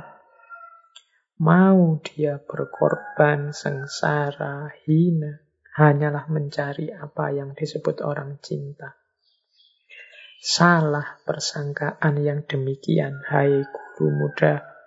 Cinta bukan mengajar kita lemah, tetapi membangkitkan kekuatan. Cinta bukan melemahkan semangat, tetapi membangkitkan semangat. Kalau itu benar cinta, mungkin gitu maunya muluk. Yuk jangan merengek-rengek, terseduh-seduh minta dibelas kasihani. Cinta itu kekuatan. Kalau kita minta dibelas kasihani berarti cinta kita lemah. Cinta bukan melemahkan semangat, tapi cinta itu membangkitkan semangat. Kalau itu memang cinta sejati, bangkitlah. Tunjukkan kesejatian cintamu. Nah itu mungkin kalimat-kalimat yang ingin disampaikan oleh Muluk kepada Jainuddin. Yo yang ingin menyampaikan yo Buya Hamka lewat mulutnya Muluk untuk anak-anak muda yang dilanda patah hati. Buktikan cintamu sejati dengan semangat, dengan bangkit, dengan menunjukkan bahwa betapa kuatnya cintaku. Meskipun dikhianati, dikecewakan, tetap dia bisa bangkit, bangun kembali, tegak dan jaya. Ini kalau bahasanya hari ini mungkin ini provokasi dari Muluk kepada Zainuddin. Dan memang terbukti dari marah-marahnya Jainuddin ini akhirnya, eh marah-marahnya Muluk ini Jainuddin kemudian sadar, bangkit lagi dan jaya. Pindah ke Jawa, di sana dia jadi penulis besar, punya usaha tunil, dihargai banyak orang. Ini awalnya dari nasihat seorang muluk. Oke. Ya paling tidak kita belajar dari muluk tentang kecewa ya kecewa, patah hati ya patah hati, tapi Jangan segitunya lah. Baik, itu pelajaran-pelajaran umum tentang cinta dari novel Tenggelamnya Kapal Van der Wijk. Masih ada beberapa, kalau bahasa saya, pelajaran sisipan. Ini pelajaran sisipan ini kalimat-kalimat yang di luar narasi utama tapi menarik untuk kita bahas. Ada hubungannya dengan cinta. Coba ya, ini masih ada waktu sekitar 30-an menit lagi. Kita lihat beberapa catatan saya tentang teori-teori unik dari novel ini tentang cinta. Tapi yang di luar narasi utama, meskipun ya tetap ada hubungannya. Ini ilustrasi-ilustrasi wawasan Hamka tentang cinta. Baik, ini saya ambil ya pelajaran pertama dari novel itu yang menurut saya unik adalah Hamka membedakan ekspresi cinta antara laki-laki dan perempuan. Coba dengarkan ada kalimat ini. Ini boleh setuju, boleh tidak setuju. Ini bahan diskusi kita. Kata Buya Hamka begini, laki-laki bila mana telah menentukan cintanya untuk seorang perempuan, maka perempuan itu mesti jadi haknya seorang. Tak boleh orang lain hendak ikut berkongsi dengan dia. Jika perempuan itu cantik, maka kecantikannya biarlah diketahui olehnya seorang. Jika suara perempuan itu nyaring, biarlah dia seorang yang mendengarnya. Sebab itu, kalau ada orang lain yang hendak memuji kecintaannya, atau mengatakan suaranya nyaring, atau menyanjung budi baiknya, semua itu tidaklah diterima oleh laki-laki yang mencintainya tadi. Bertambah banyak orang memuji kecintaannya, bertambah timbullah cemburu dalam hatinya. Sebab perempuan itu untuk dia, buat dia, tak boleh buat orang lain. Tetapi cinta perempuan kepada laki-laki sebaliknya dari itu. Laki-laki pada pemandangan perempuan adalah laksana dukuh emas yang tergelung di lehernya, atau gelang bertatah berlian yang melilit tangannya, perhiasan yang akan dibanggakannya kepada kawan sesamanya. Seburuk-buruk kecintaannya akan lupa dia keburukan itu kalau laki-laki lain atau perempuan lain memujinya dekat dia. Mengatakan dia seorang laki-laki yang tangkas, berbudi, ternama, termasyur, dan lain sebagainya. Ini Hamka punya teori bedanya laki-laki dan perempuan saat mencintai. Kalau laki-laki sedang jatuh cinta, maka perempuan itu hanya milik dia. Tidak boleh dimiliki orang lain. Kalau ada orang lain kok ikut menikmati kecantikannya, memuji kelembutannya, kemudian mengomentari indah suaranya, laki-laki tidak terlalu suka yang seperti ini. Pokoknya kekasihnya, perempuannya itu ya hanya untuk dia. Dan kata Hamkai, laki-laki itu makanya mudah timbul cemburu. Kalau perempuan yang dicantainya punya relasi, punya koneksi, dipuji orang. Pokoknya perempuan ini harus miliknya dia saja. Tidak boleh orang lain ikut-ikutan dalam hal apa pun. Nah, itu cirinya laki-laki. Ini Buat perempuan coba didiskusikan, coba dicek apa benar begitu pasangannya, suaminya. Ini secara umum ya, yo kasus-kasus khusus yo mesti saja ada. Pak, Pasangan saya laki-laki itu tidak terlalu cemburuan itu Pak. Saya dibiarkan saja ngapa-ngapain. Ya bisa dicek apakah dia benar mencintai atau memang dia tidak mengungkapkan kecemburuannya. Dia menyembunyikan itu. Bisa jadi begitu. Itu kalau mengikuti teorinya Hamka. Sebaliknya perempuan. Bagi perempuan, laki-laki itu seperti perhiasan yang dia miliki. Kalau perhiasan itu kan tidak hanya untuk disimpan. Kalau bisa dipamerkan. Biar orang lain tahu. Jadi dia senang kalau ada orang memuji laki-lakinya. Sebagaimana dia senang kalau ada wah perhiasanmu bagus, wah bajumu indah, wah barang-barangmu kok elit semua, mewah semua. Itu kan seneng kalau perempuan dipuji seperti itu. Sama ketika laki-lakinya dipuji orang.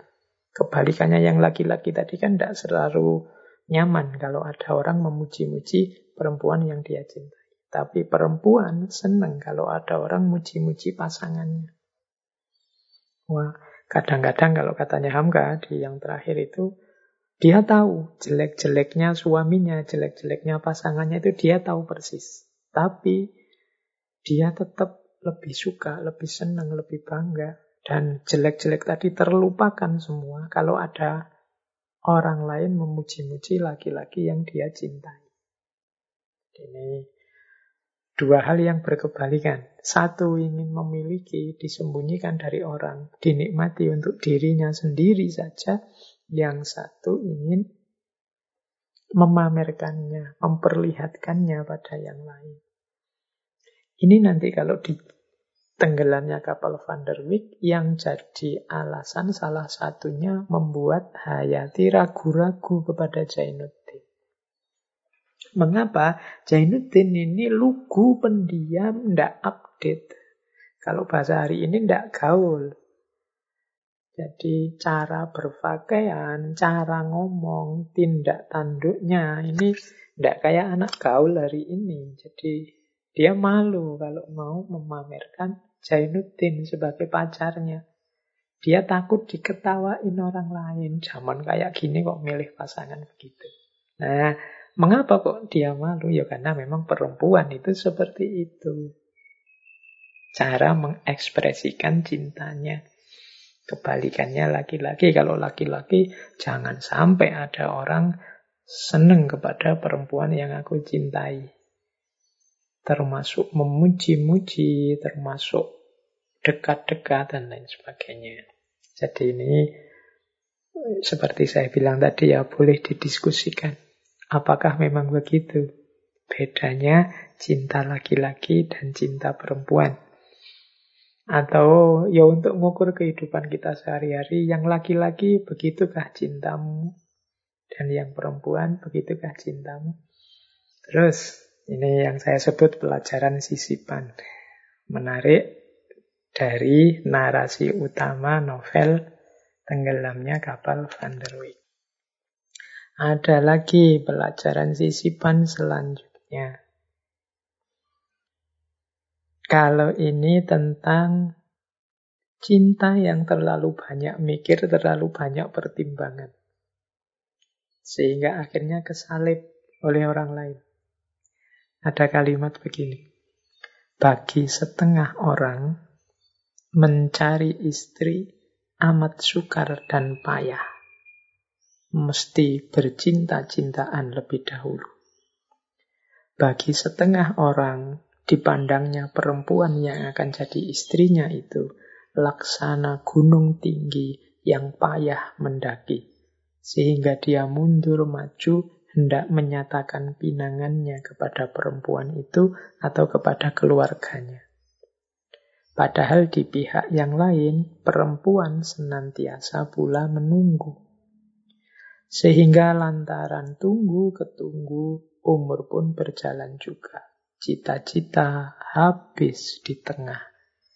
Tiba-tiba datang orang lain yang tidak banyak perhitungan, tidak banyak pikir, dia meminang lebih dahulu. Sehingga maksudnya langsung dan yang mempunyai cita-cita tinggal menggigit jari. Ini pelajaran bagi yang terlalu banyak pertimbangan dan terlalu menunggu, terlalu sabar menanti. Sabar itu bagus, terlalu sabar tidak bagus. Cinta memang jangan kehilangan akal sehat. Berpikir harus tetap jernih, tidak boleh sembrono, perlu pertimbangan-pertimbangan. Tapi juga jangan terlalu. Terlalu lama berpikir, akhirnya serba ragu. Karena terlalu lama ragu, tidak maju-maju. Umur semakin bertambah, akhirnya ditikung orang. Ada yang nikung tengah jalan, tidak pakai mikir, langsung ngelamar, orang tuanya yang nunggu-nunggu anaknya kok ndak ada yang meminang, ada yang ngelamar, ya diterima. Akhirnya nangislah dia. Bikin puisi, bikin syair, nyanyi lagu sedih. Yo, terlalu panjang berpikirnya. Terlalu banyak pertimbangan. Ada yang bilang orang itu kadang-kadang kalau terlambat menikah biasanya tambah lambat. Karena pertimbangannya tambah banyak, karena dia tambah dewasa, tambah pinter, mikir macem-macem. Kalau sudah nikah, mau dikasih makan apa, nanti aku cocok apa enggak sama dia. Dia sio apa, aku sio apa, dia yin apa yang, dia oh, mikirnya tuh, akhirnya enggak maju-maju, ya wes, disalib orang, ditikung orang. Akhirnya nangis juga. Nah, ini pertimbangan juga ya untuk teman-teman. Mungkin yang sudah cukup umur, sudah punya andalan, ya pekerjaan tetaplah. Tidak harus yang sampai nunggu kaya raya, punya rumah, punya mobil sendiri. Kalau memang sudah ada calon, sudah ada yang bisa diandalkan, sama-sama punya rasa, tidak usah menunggu, jalan saja menikahlah. Ya, memang mungkin ada bayangan-bayangan nanti sulit ini, nanti susah itu. Tidak ada yang tidak ada kesulitannya dalam hidup ini, apa pun itu. Maka kalau memang sama-sama suka, kemudian perangkat sarana prasarananya siap, menikahlah. Kalau dalam agama itu kan ada, itu dulu saya jelaskan di sesi pernikahan, kapan seseorang wajib menikah, kapan seseorang sunnah menikah, tapi ada kalanya memang masih makruh, bahkan haram menikah. Ada situasi-situasi yang menuntut itu. Maka teman-teman, ya silahkan. Teori sudah banyak, tidak usah mikir sendiri yang terlalu jelimet. Kalau memang sudah ada kecocokan, jalanlah, menikahlah. Ini ini juga menurut saya pelajaran sisipan. Jadi tentang pertimbangan dan penantian. Yang perempuan juga begitu. Ya, jangan terlalu sabar menunggu. Ingatkan terus. Kalau kalian memang saling mencintai untuk segera serius. Tidak hanya cinta-cintaan, tidak hanya sekedar wianan tiap malam bilang I love you, I miss you terus-terusan. Menikahlah kalau memang sudah merasa mampu dan saatnya. Tidak usah nambah-nambah kewajiban yang tidak wajib. Nunggu lulus S3 dulu. Nunggu punya mobil dulu. Nunggu tidak ada yang mewajibkan itu. Agama ada, tradisi tidak ada yang wajib itu. Yang penting segala sarana prasarananya cukup, nanti tidak dianggap kalau menikah nanti dua-duanya sengsara karena belum punya pekerjaan tetap dan macam-macam. Kalau alasan-alasan yang elementer ini sudah beres, ya menikahlah. Kuatirnya nanti sudah serius-serius mempersiapkan karena terlalu lama, terlalu banyak pikiran, disalib orang, ditikung orang, akhirnya stres, depresi berkepanjangan, ketempuan lagi, susah lagi. Oke, kan jodoh sudah ditentukan Pak. Iya, tapi kan kita mengusahakan. Kalau memang tidak jodohnya ya, ya tetap nanti tidak nyambung. Tapi kan bukan berarti kita diam saja, menunggu saja. Oke, itu pelajaran sisipan yang kedua. Pelajaran sisipan selanjutnya. Ini saya tambah. Ini mungkin relasinya agak jauh, tapi boleh kita ambil pelajaran, yaitu tentang suara jiwa yang terdengar oleh jiwa. Ini hubungannya dengan surat-suratan tadi. Mengapa sih surat-suratnya orang yang jatuh cinta itu rasanya puitis, rasanya menyentuh? Kalau Buya Hamka punya teori karena orang yang sedang jatuh cinta itu kalau menulis, mengungkapkan sesuatu, itu keluar dari jiwanya. Tidak hanya keluar dari pikirannya. Makanya rasanya indah. Suara jiwa para pecinta itu kan indah. Sehingga Buya Hamka ada kalimat begini dalam tenggelamnya kapal Van der Wijk itu. Surat itu rupanya diperbuat dengan jiwa, bukan dengan tangan. Apa yang bergelora dalam sanubari ditumpahkan di kertas. Dan bagi yang membaca, tentu jiwanya pula yang kena. Jadi suratnya orang yang mencintai ungkapan kata-kata dari jiwa yang mencintai itu akan terbaca sangat indah. Strukturnya, isinya, kalimatnya. Mengapa begitu? Karena yang disentuh oleh tulisan itu, yang disentuh oleh kata-kata itu adalah juga jiwa. Coba teman-teman merefer, merujuk kalimat-kalimat yang kemarin kita kaji dari novel-novel sebelumnya. Baik itu sayap-sayap patah, Romeo and Juliet, termasuk Khusro Sirim. Coba kalian rasakan lagi mungkin kalimat-kalimatnya Farhat ketika diinterogasi oleh Khusro. Atau kalimat-kalimatnya Gibran ketika mengalami kegalauan oleh Salma. Nah itu kan kita membacanya ikut baper. Rasanya kok indah. Nah ini menurut Buya Hamka ya karena keluarnya dari hati. Kalau dari hati, yang dijangkau juga hati. Yang disentuh juga hati.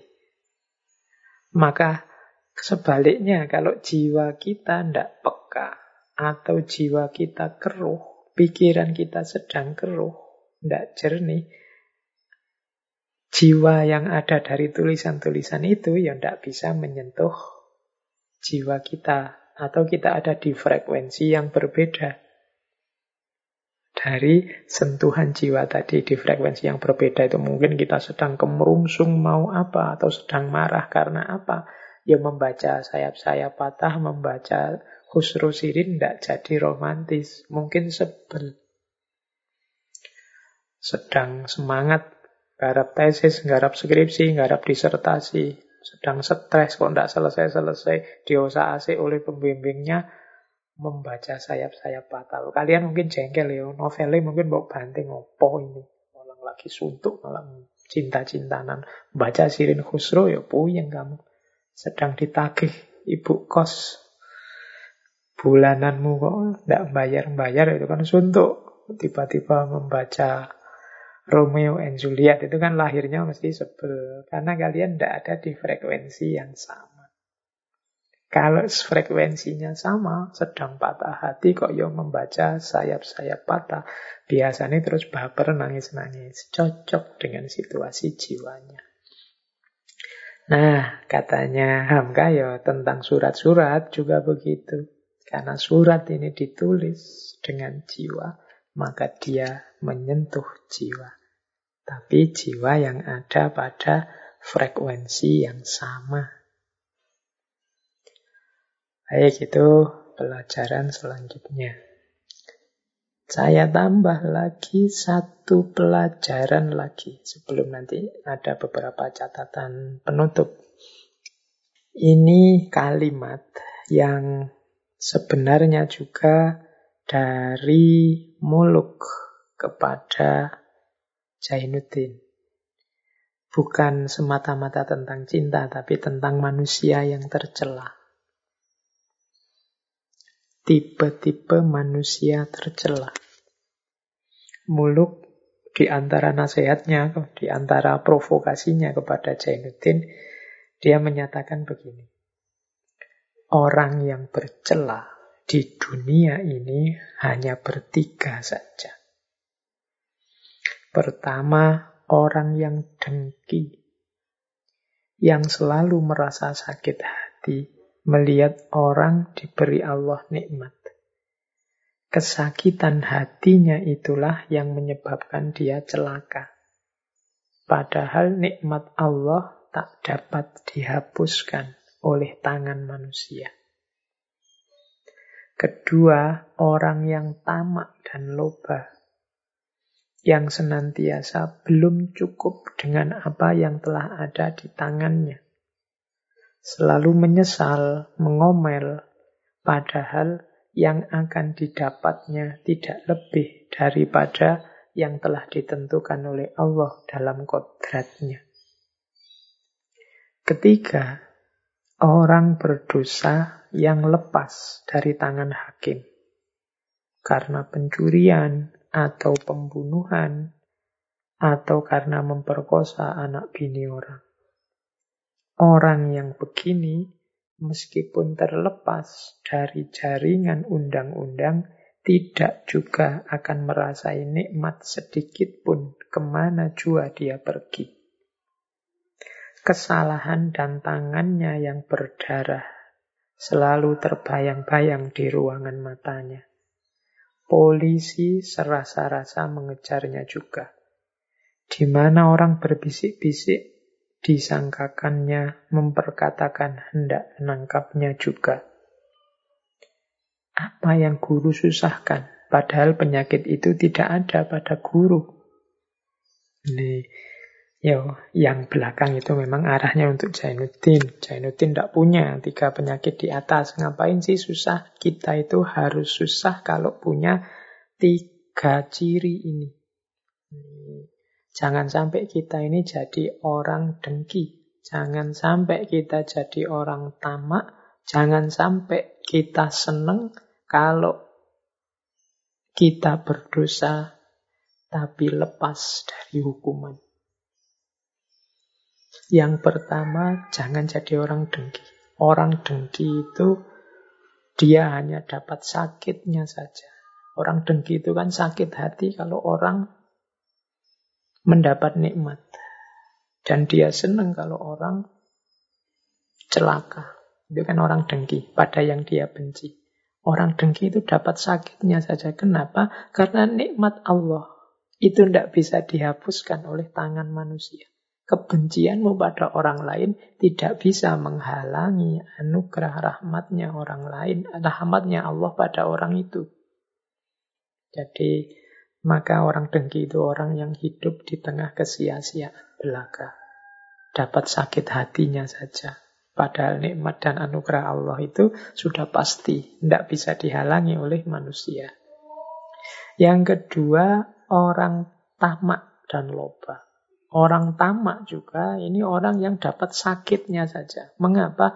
Karena dia menginginkan apa yang dia belum miliki. Selalu menuntut, selalu tidak puas. Ini kan orang tamak. Padahal jatah kita, rezeki kita sudah ditentukan oleh Allah. Ngapain harus tamak? Kalau memang bukan jatah kita, ya tidak akan bisa kita peroleh. Kalau sudah jatah kita, insya Allah akan datang juga. Ini orang tercela kedua. Dan yang ketiga orang salah tapi bebas dari hukuman. Bebas dari hukuman itu mungkin tidak ada orang yang tahu atau sudah disidang tapi dibebaskan dan lain sebagainya. Ini kamu jangan senang-senang. Ini tercela tapi dia susah. Mengapa? Hidupnya pasti tidak tenang. Jadi dia tidak akan nyaman. Dia merasa dikejar-kejar polisi misalnya. Kemudian dia terbayang-bayang dengan dosanya. Orang yang dibayangi dosa itu kan gelisah terus. Kesandung saja dia langsung mikirnya, jangan-jangan ini karmaku. Dia sakit sedikit saja terus dia mikirnya jangan-jangan ini karmaku, balasanku. Nah, ini kan hidup yang tidak tenang. Nanti kalau ada orang bisik-bisik, oh jangan-jangan ngomong aku, jangan-jangan ingin bongkar aibku, dan lain sebagainya. Tiga orang ini tercela. Mengapa tercela? Dia punya akhlak buruk, tapi sakit sendiri dalam dirinya. Jadi sakit sendiri itu tidak ada hubungannya dengan orang lain. Dia milih yang buruk dan langsung menikmati sakitnya sendiri. Orang dengki, orang tamak, orang berdosa yang lepas dari hukuman. Ya kalau dalam tenggelamnya kapal Van der Wijk ini kan untuk menyemangati muluk sampean itu ndak punya tiga sifat ini. Ngapain sedih? Ndak harus galau. Jadi ayo bangkit, ayo berjuang lagi. Ndak dosa. Tidak seperti orang dengki, orang tamak, orang berdosa tadi. Ndak sampai ndak punya dosa apa-apa. Bangkitlah. Nah ini kalau dibalik berarti kita siapa pun yang punya tiga karakter ini dengki, tamak, dan dosa yang disembunyikan, mari kita bersihkan diri dari itu semua. Jadi jangan sampai kita ini punya akhlak yang tercela, tapi hidup kita sebenarnya sengsara karena akhlak kita yang tercela itu.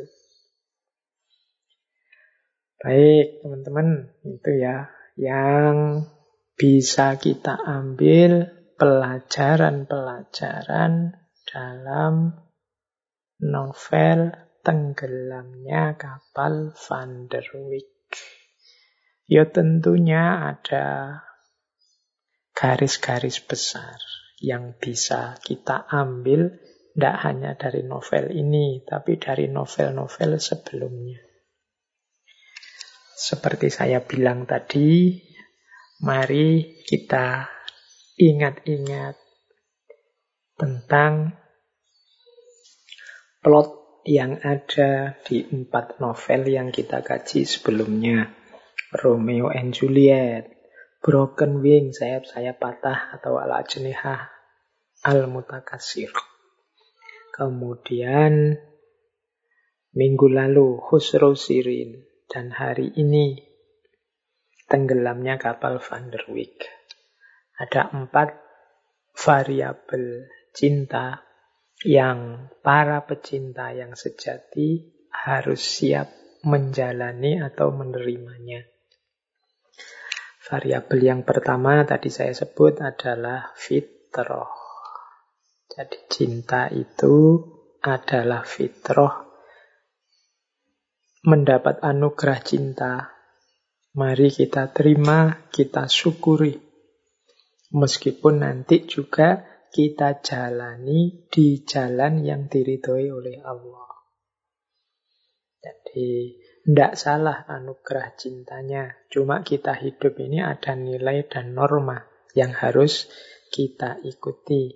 Karena kalau tidak, cinta itu justru akan menghancurkan kita kalau kita tidak mengikuti nilai dan norma, kita justru merendahkan cinta kita sendiri.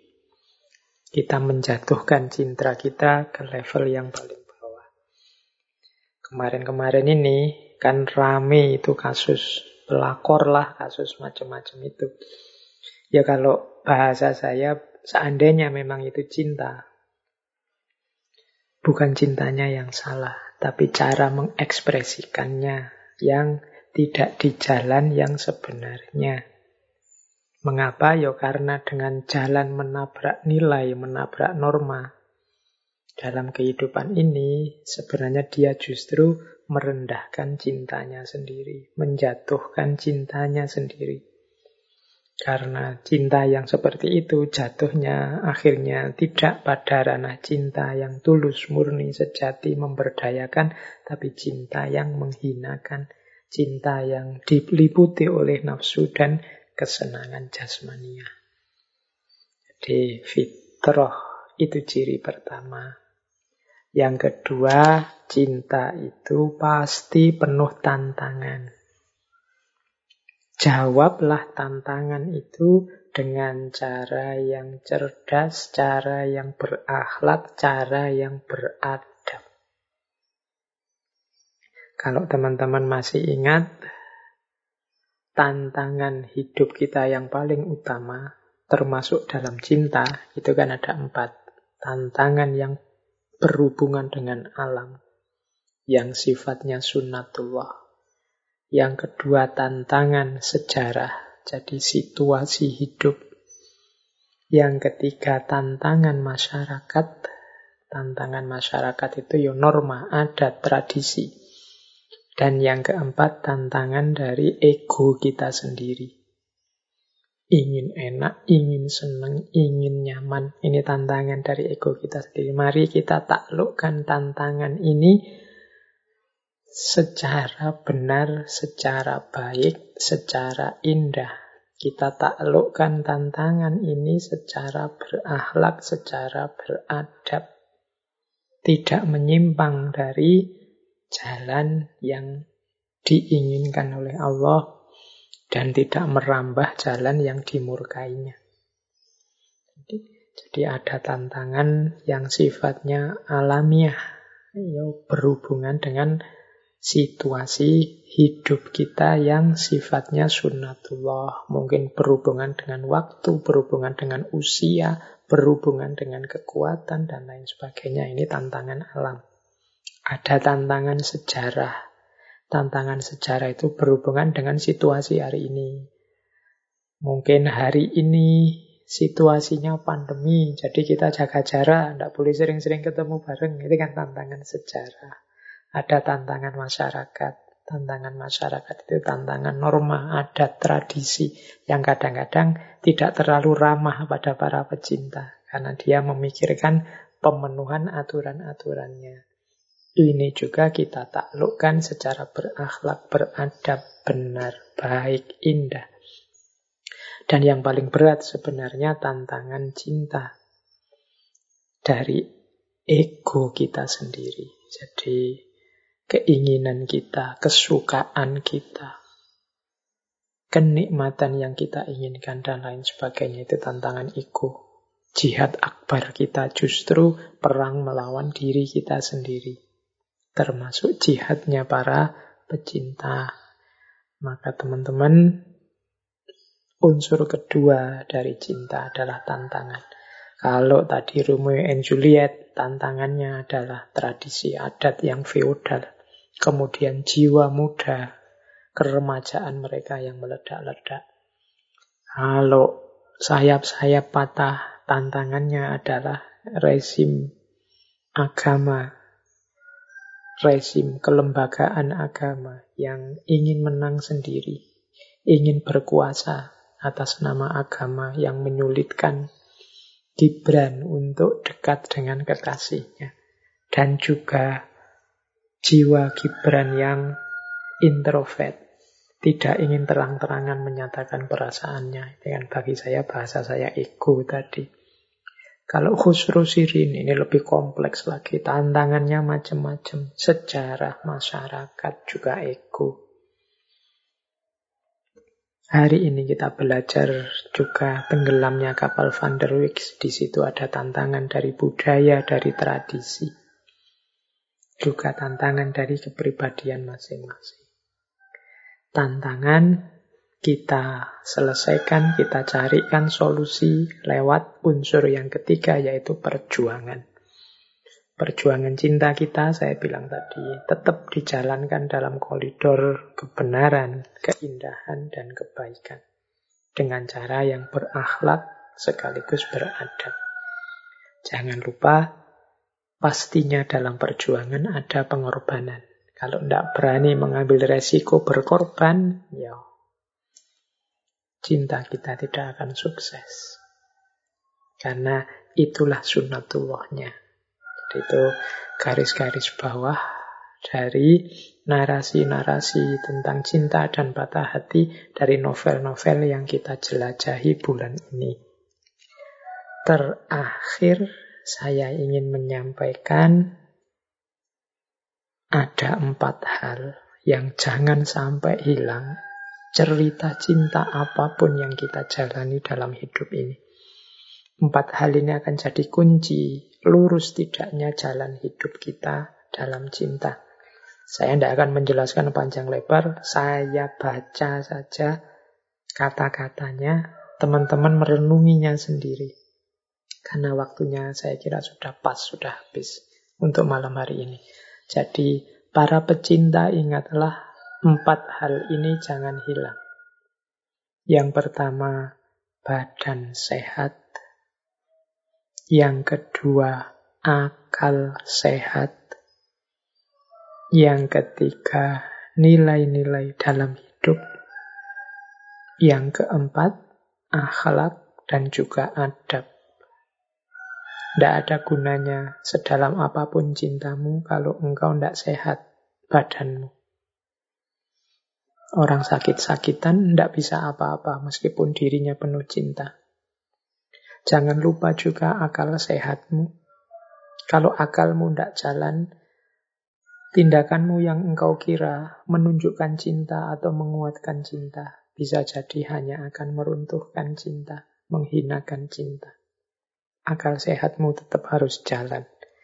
Yang ketiga, hidupmu tetap harus berpegangan pada nilai-nilai, pada norma-norma kemanusiaan. Karena cinta justru adalah hakikat kemanusiaan itu sendiri. Cintamu harus tetap manusiawi, bahkan naikkan levelnya ke arah nilai-nilai ilahi ketuhanan. Jangan berhenti di cinta level nafsu, level hasrat kenikmatan belaka. Maka cintamu harus tetap punya nilai. Dan yang terakhir, ekspresikan cintamu secara akhlak dan secara adab. Empat hal ini akan jadi kunci kemuliaan cintamu, kesuksesan cintamu, di samping engkau harus mau berjuang dan juga siap berkorban. Baik teman-teman, saya kira itu untuk sesi malam hari ini.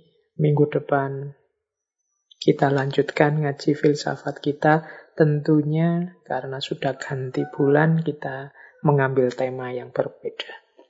Kurang lebihnya mohon maaf. Wallahul muwafiq, wallahu a'lam bisawab. Wassalamualaikum warahmatullahi wabarakatuh.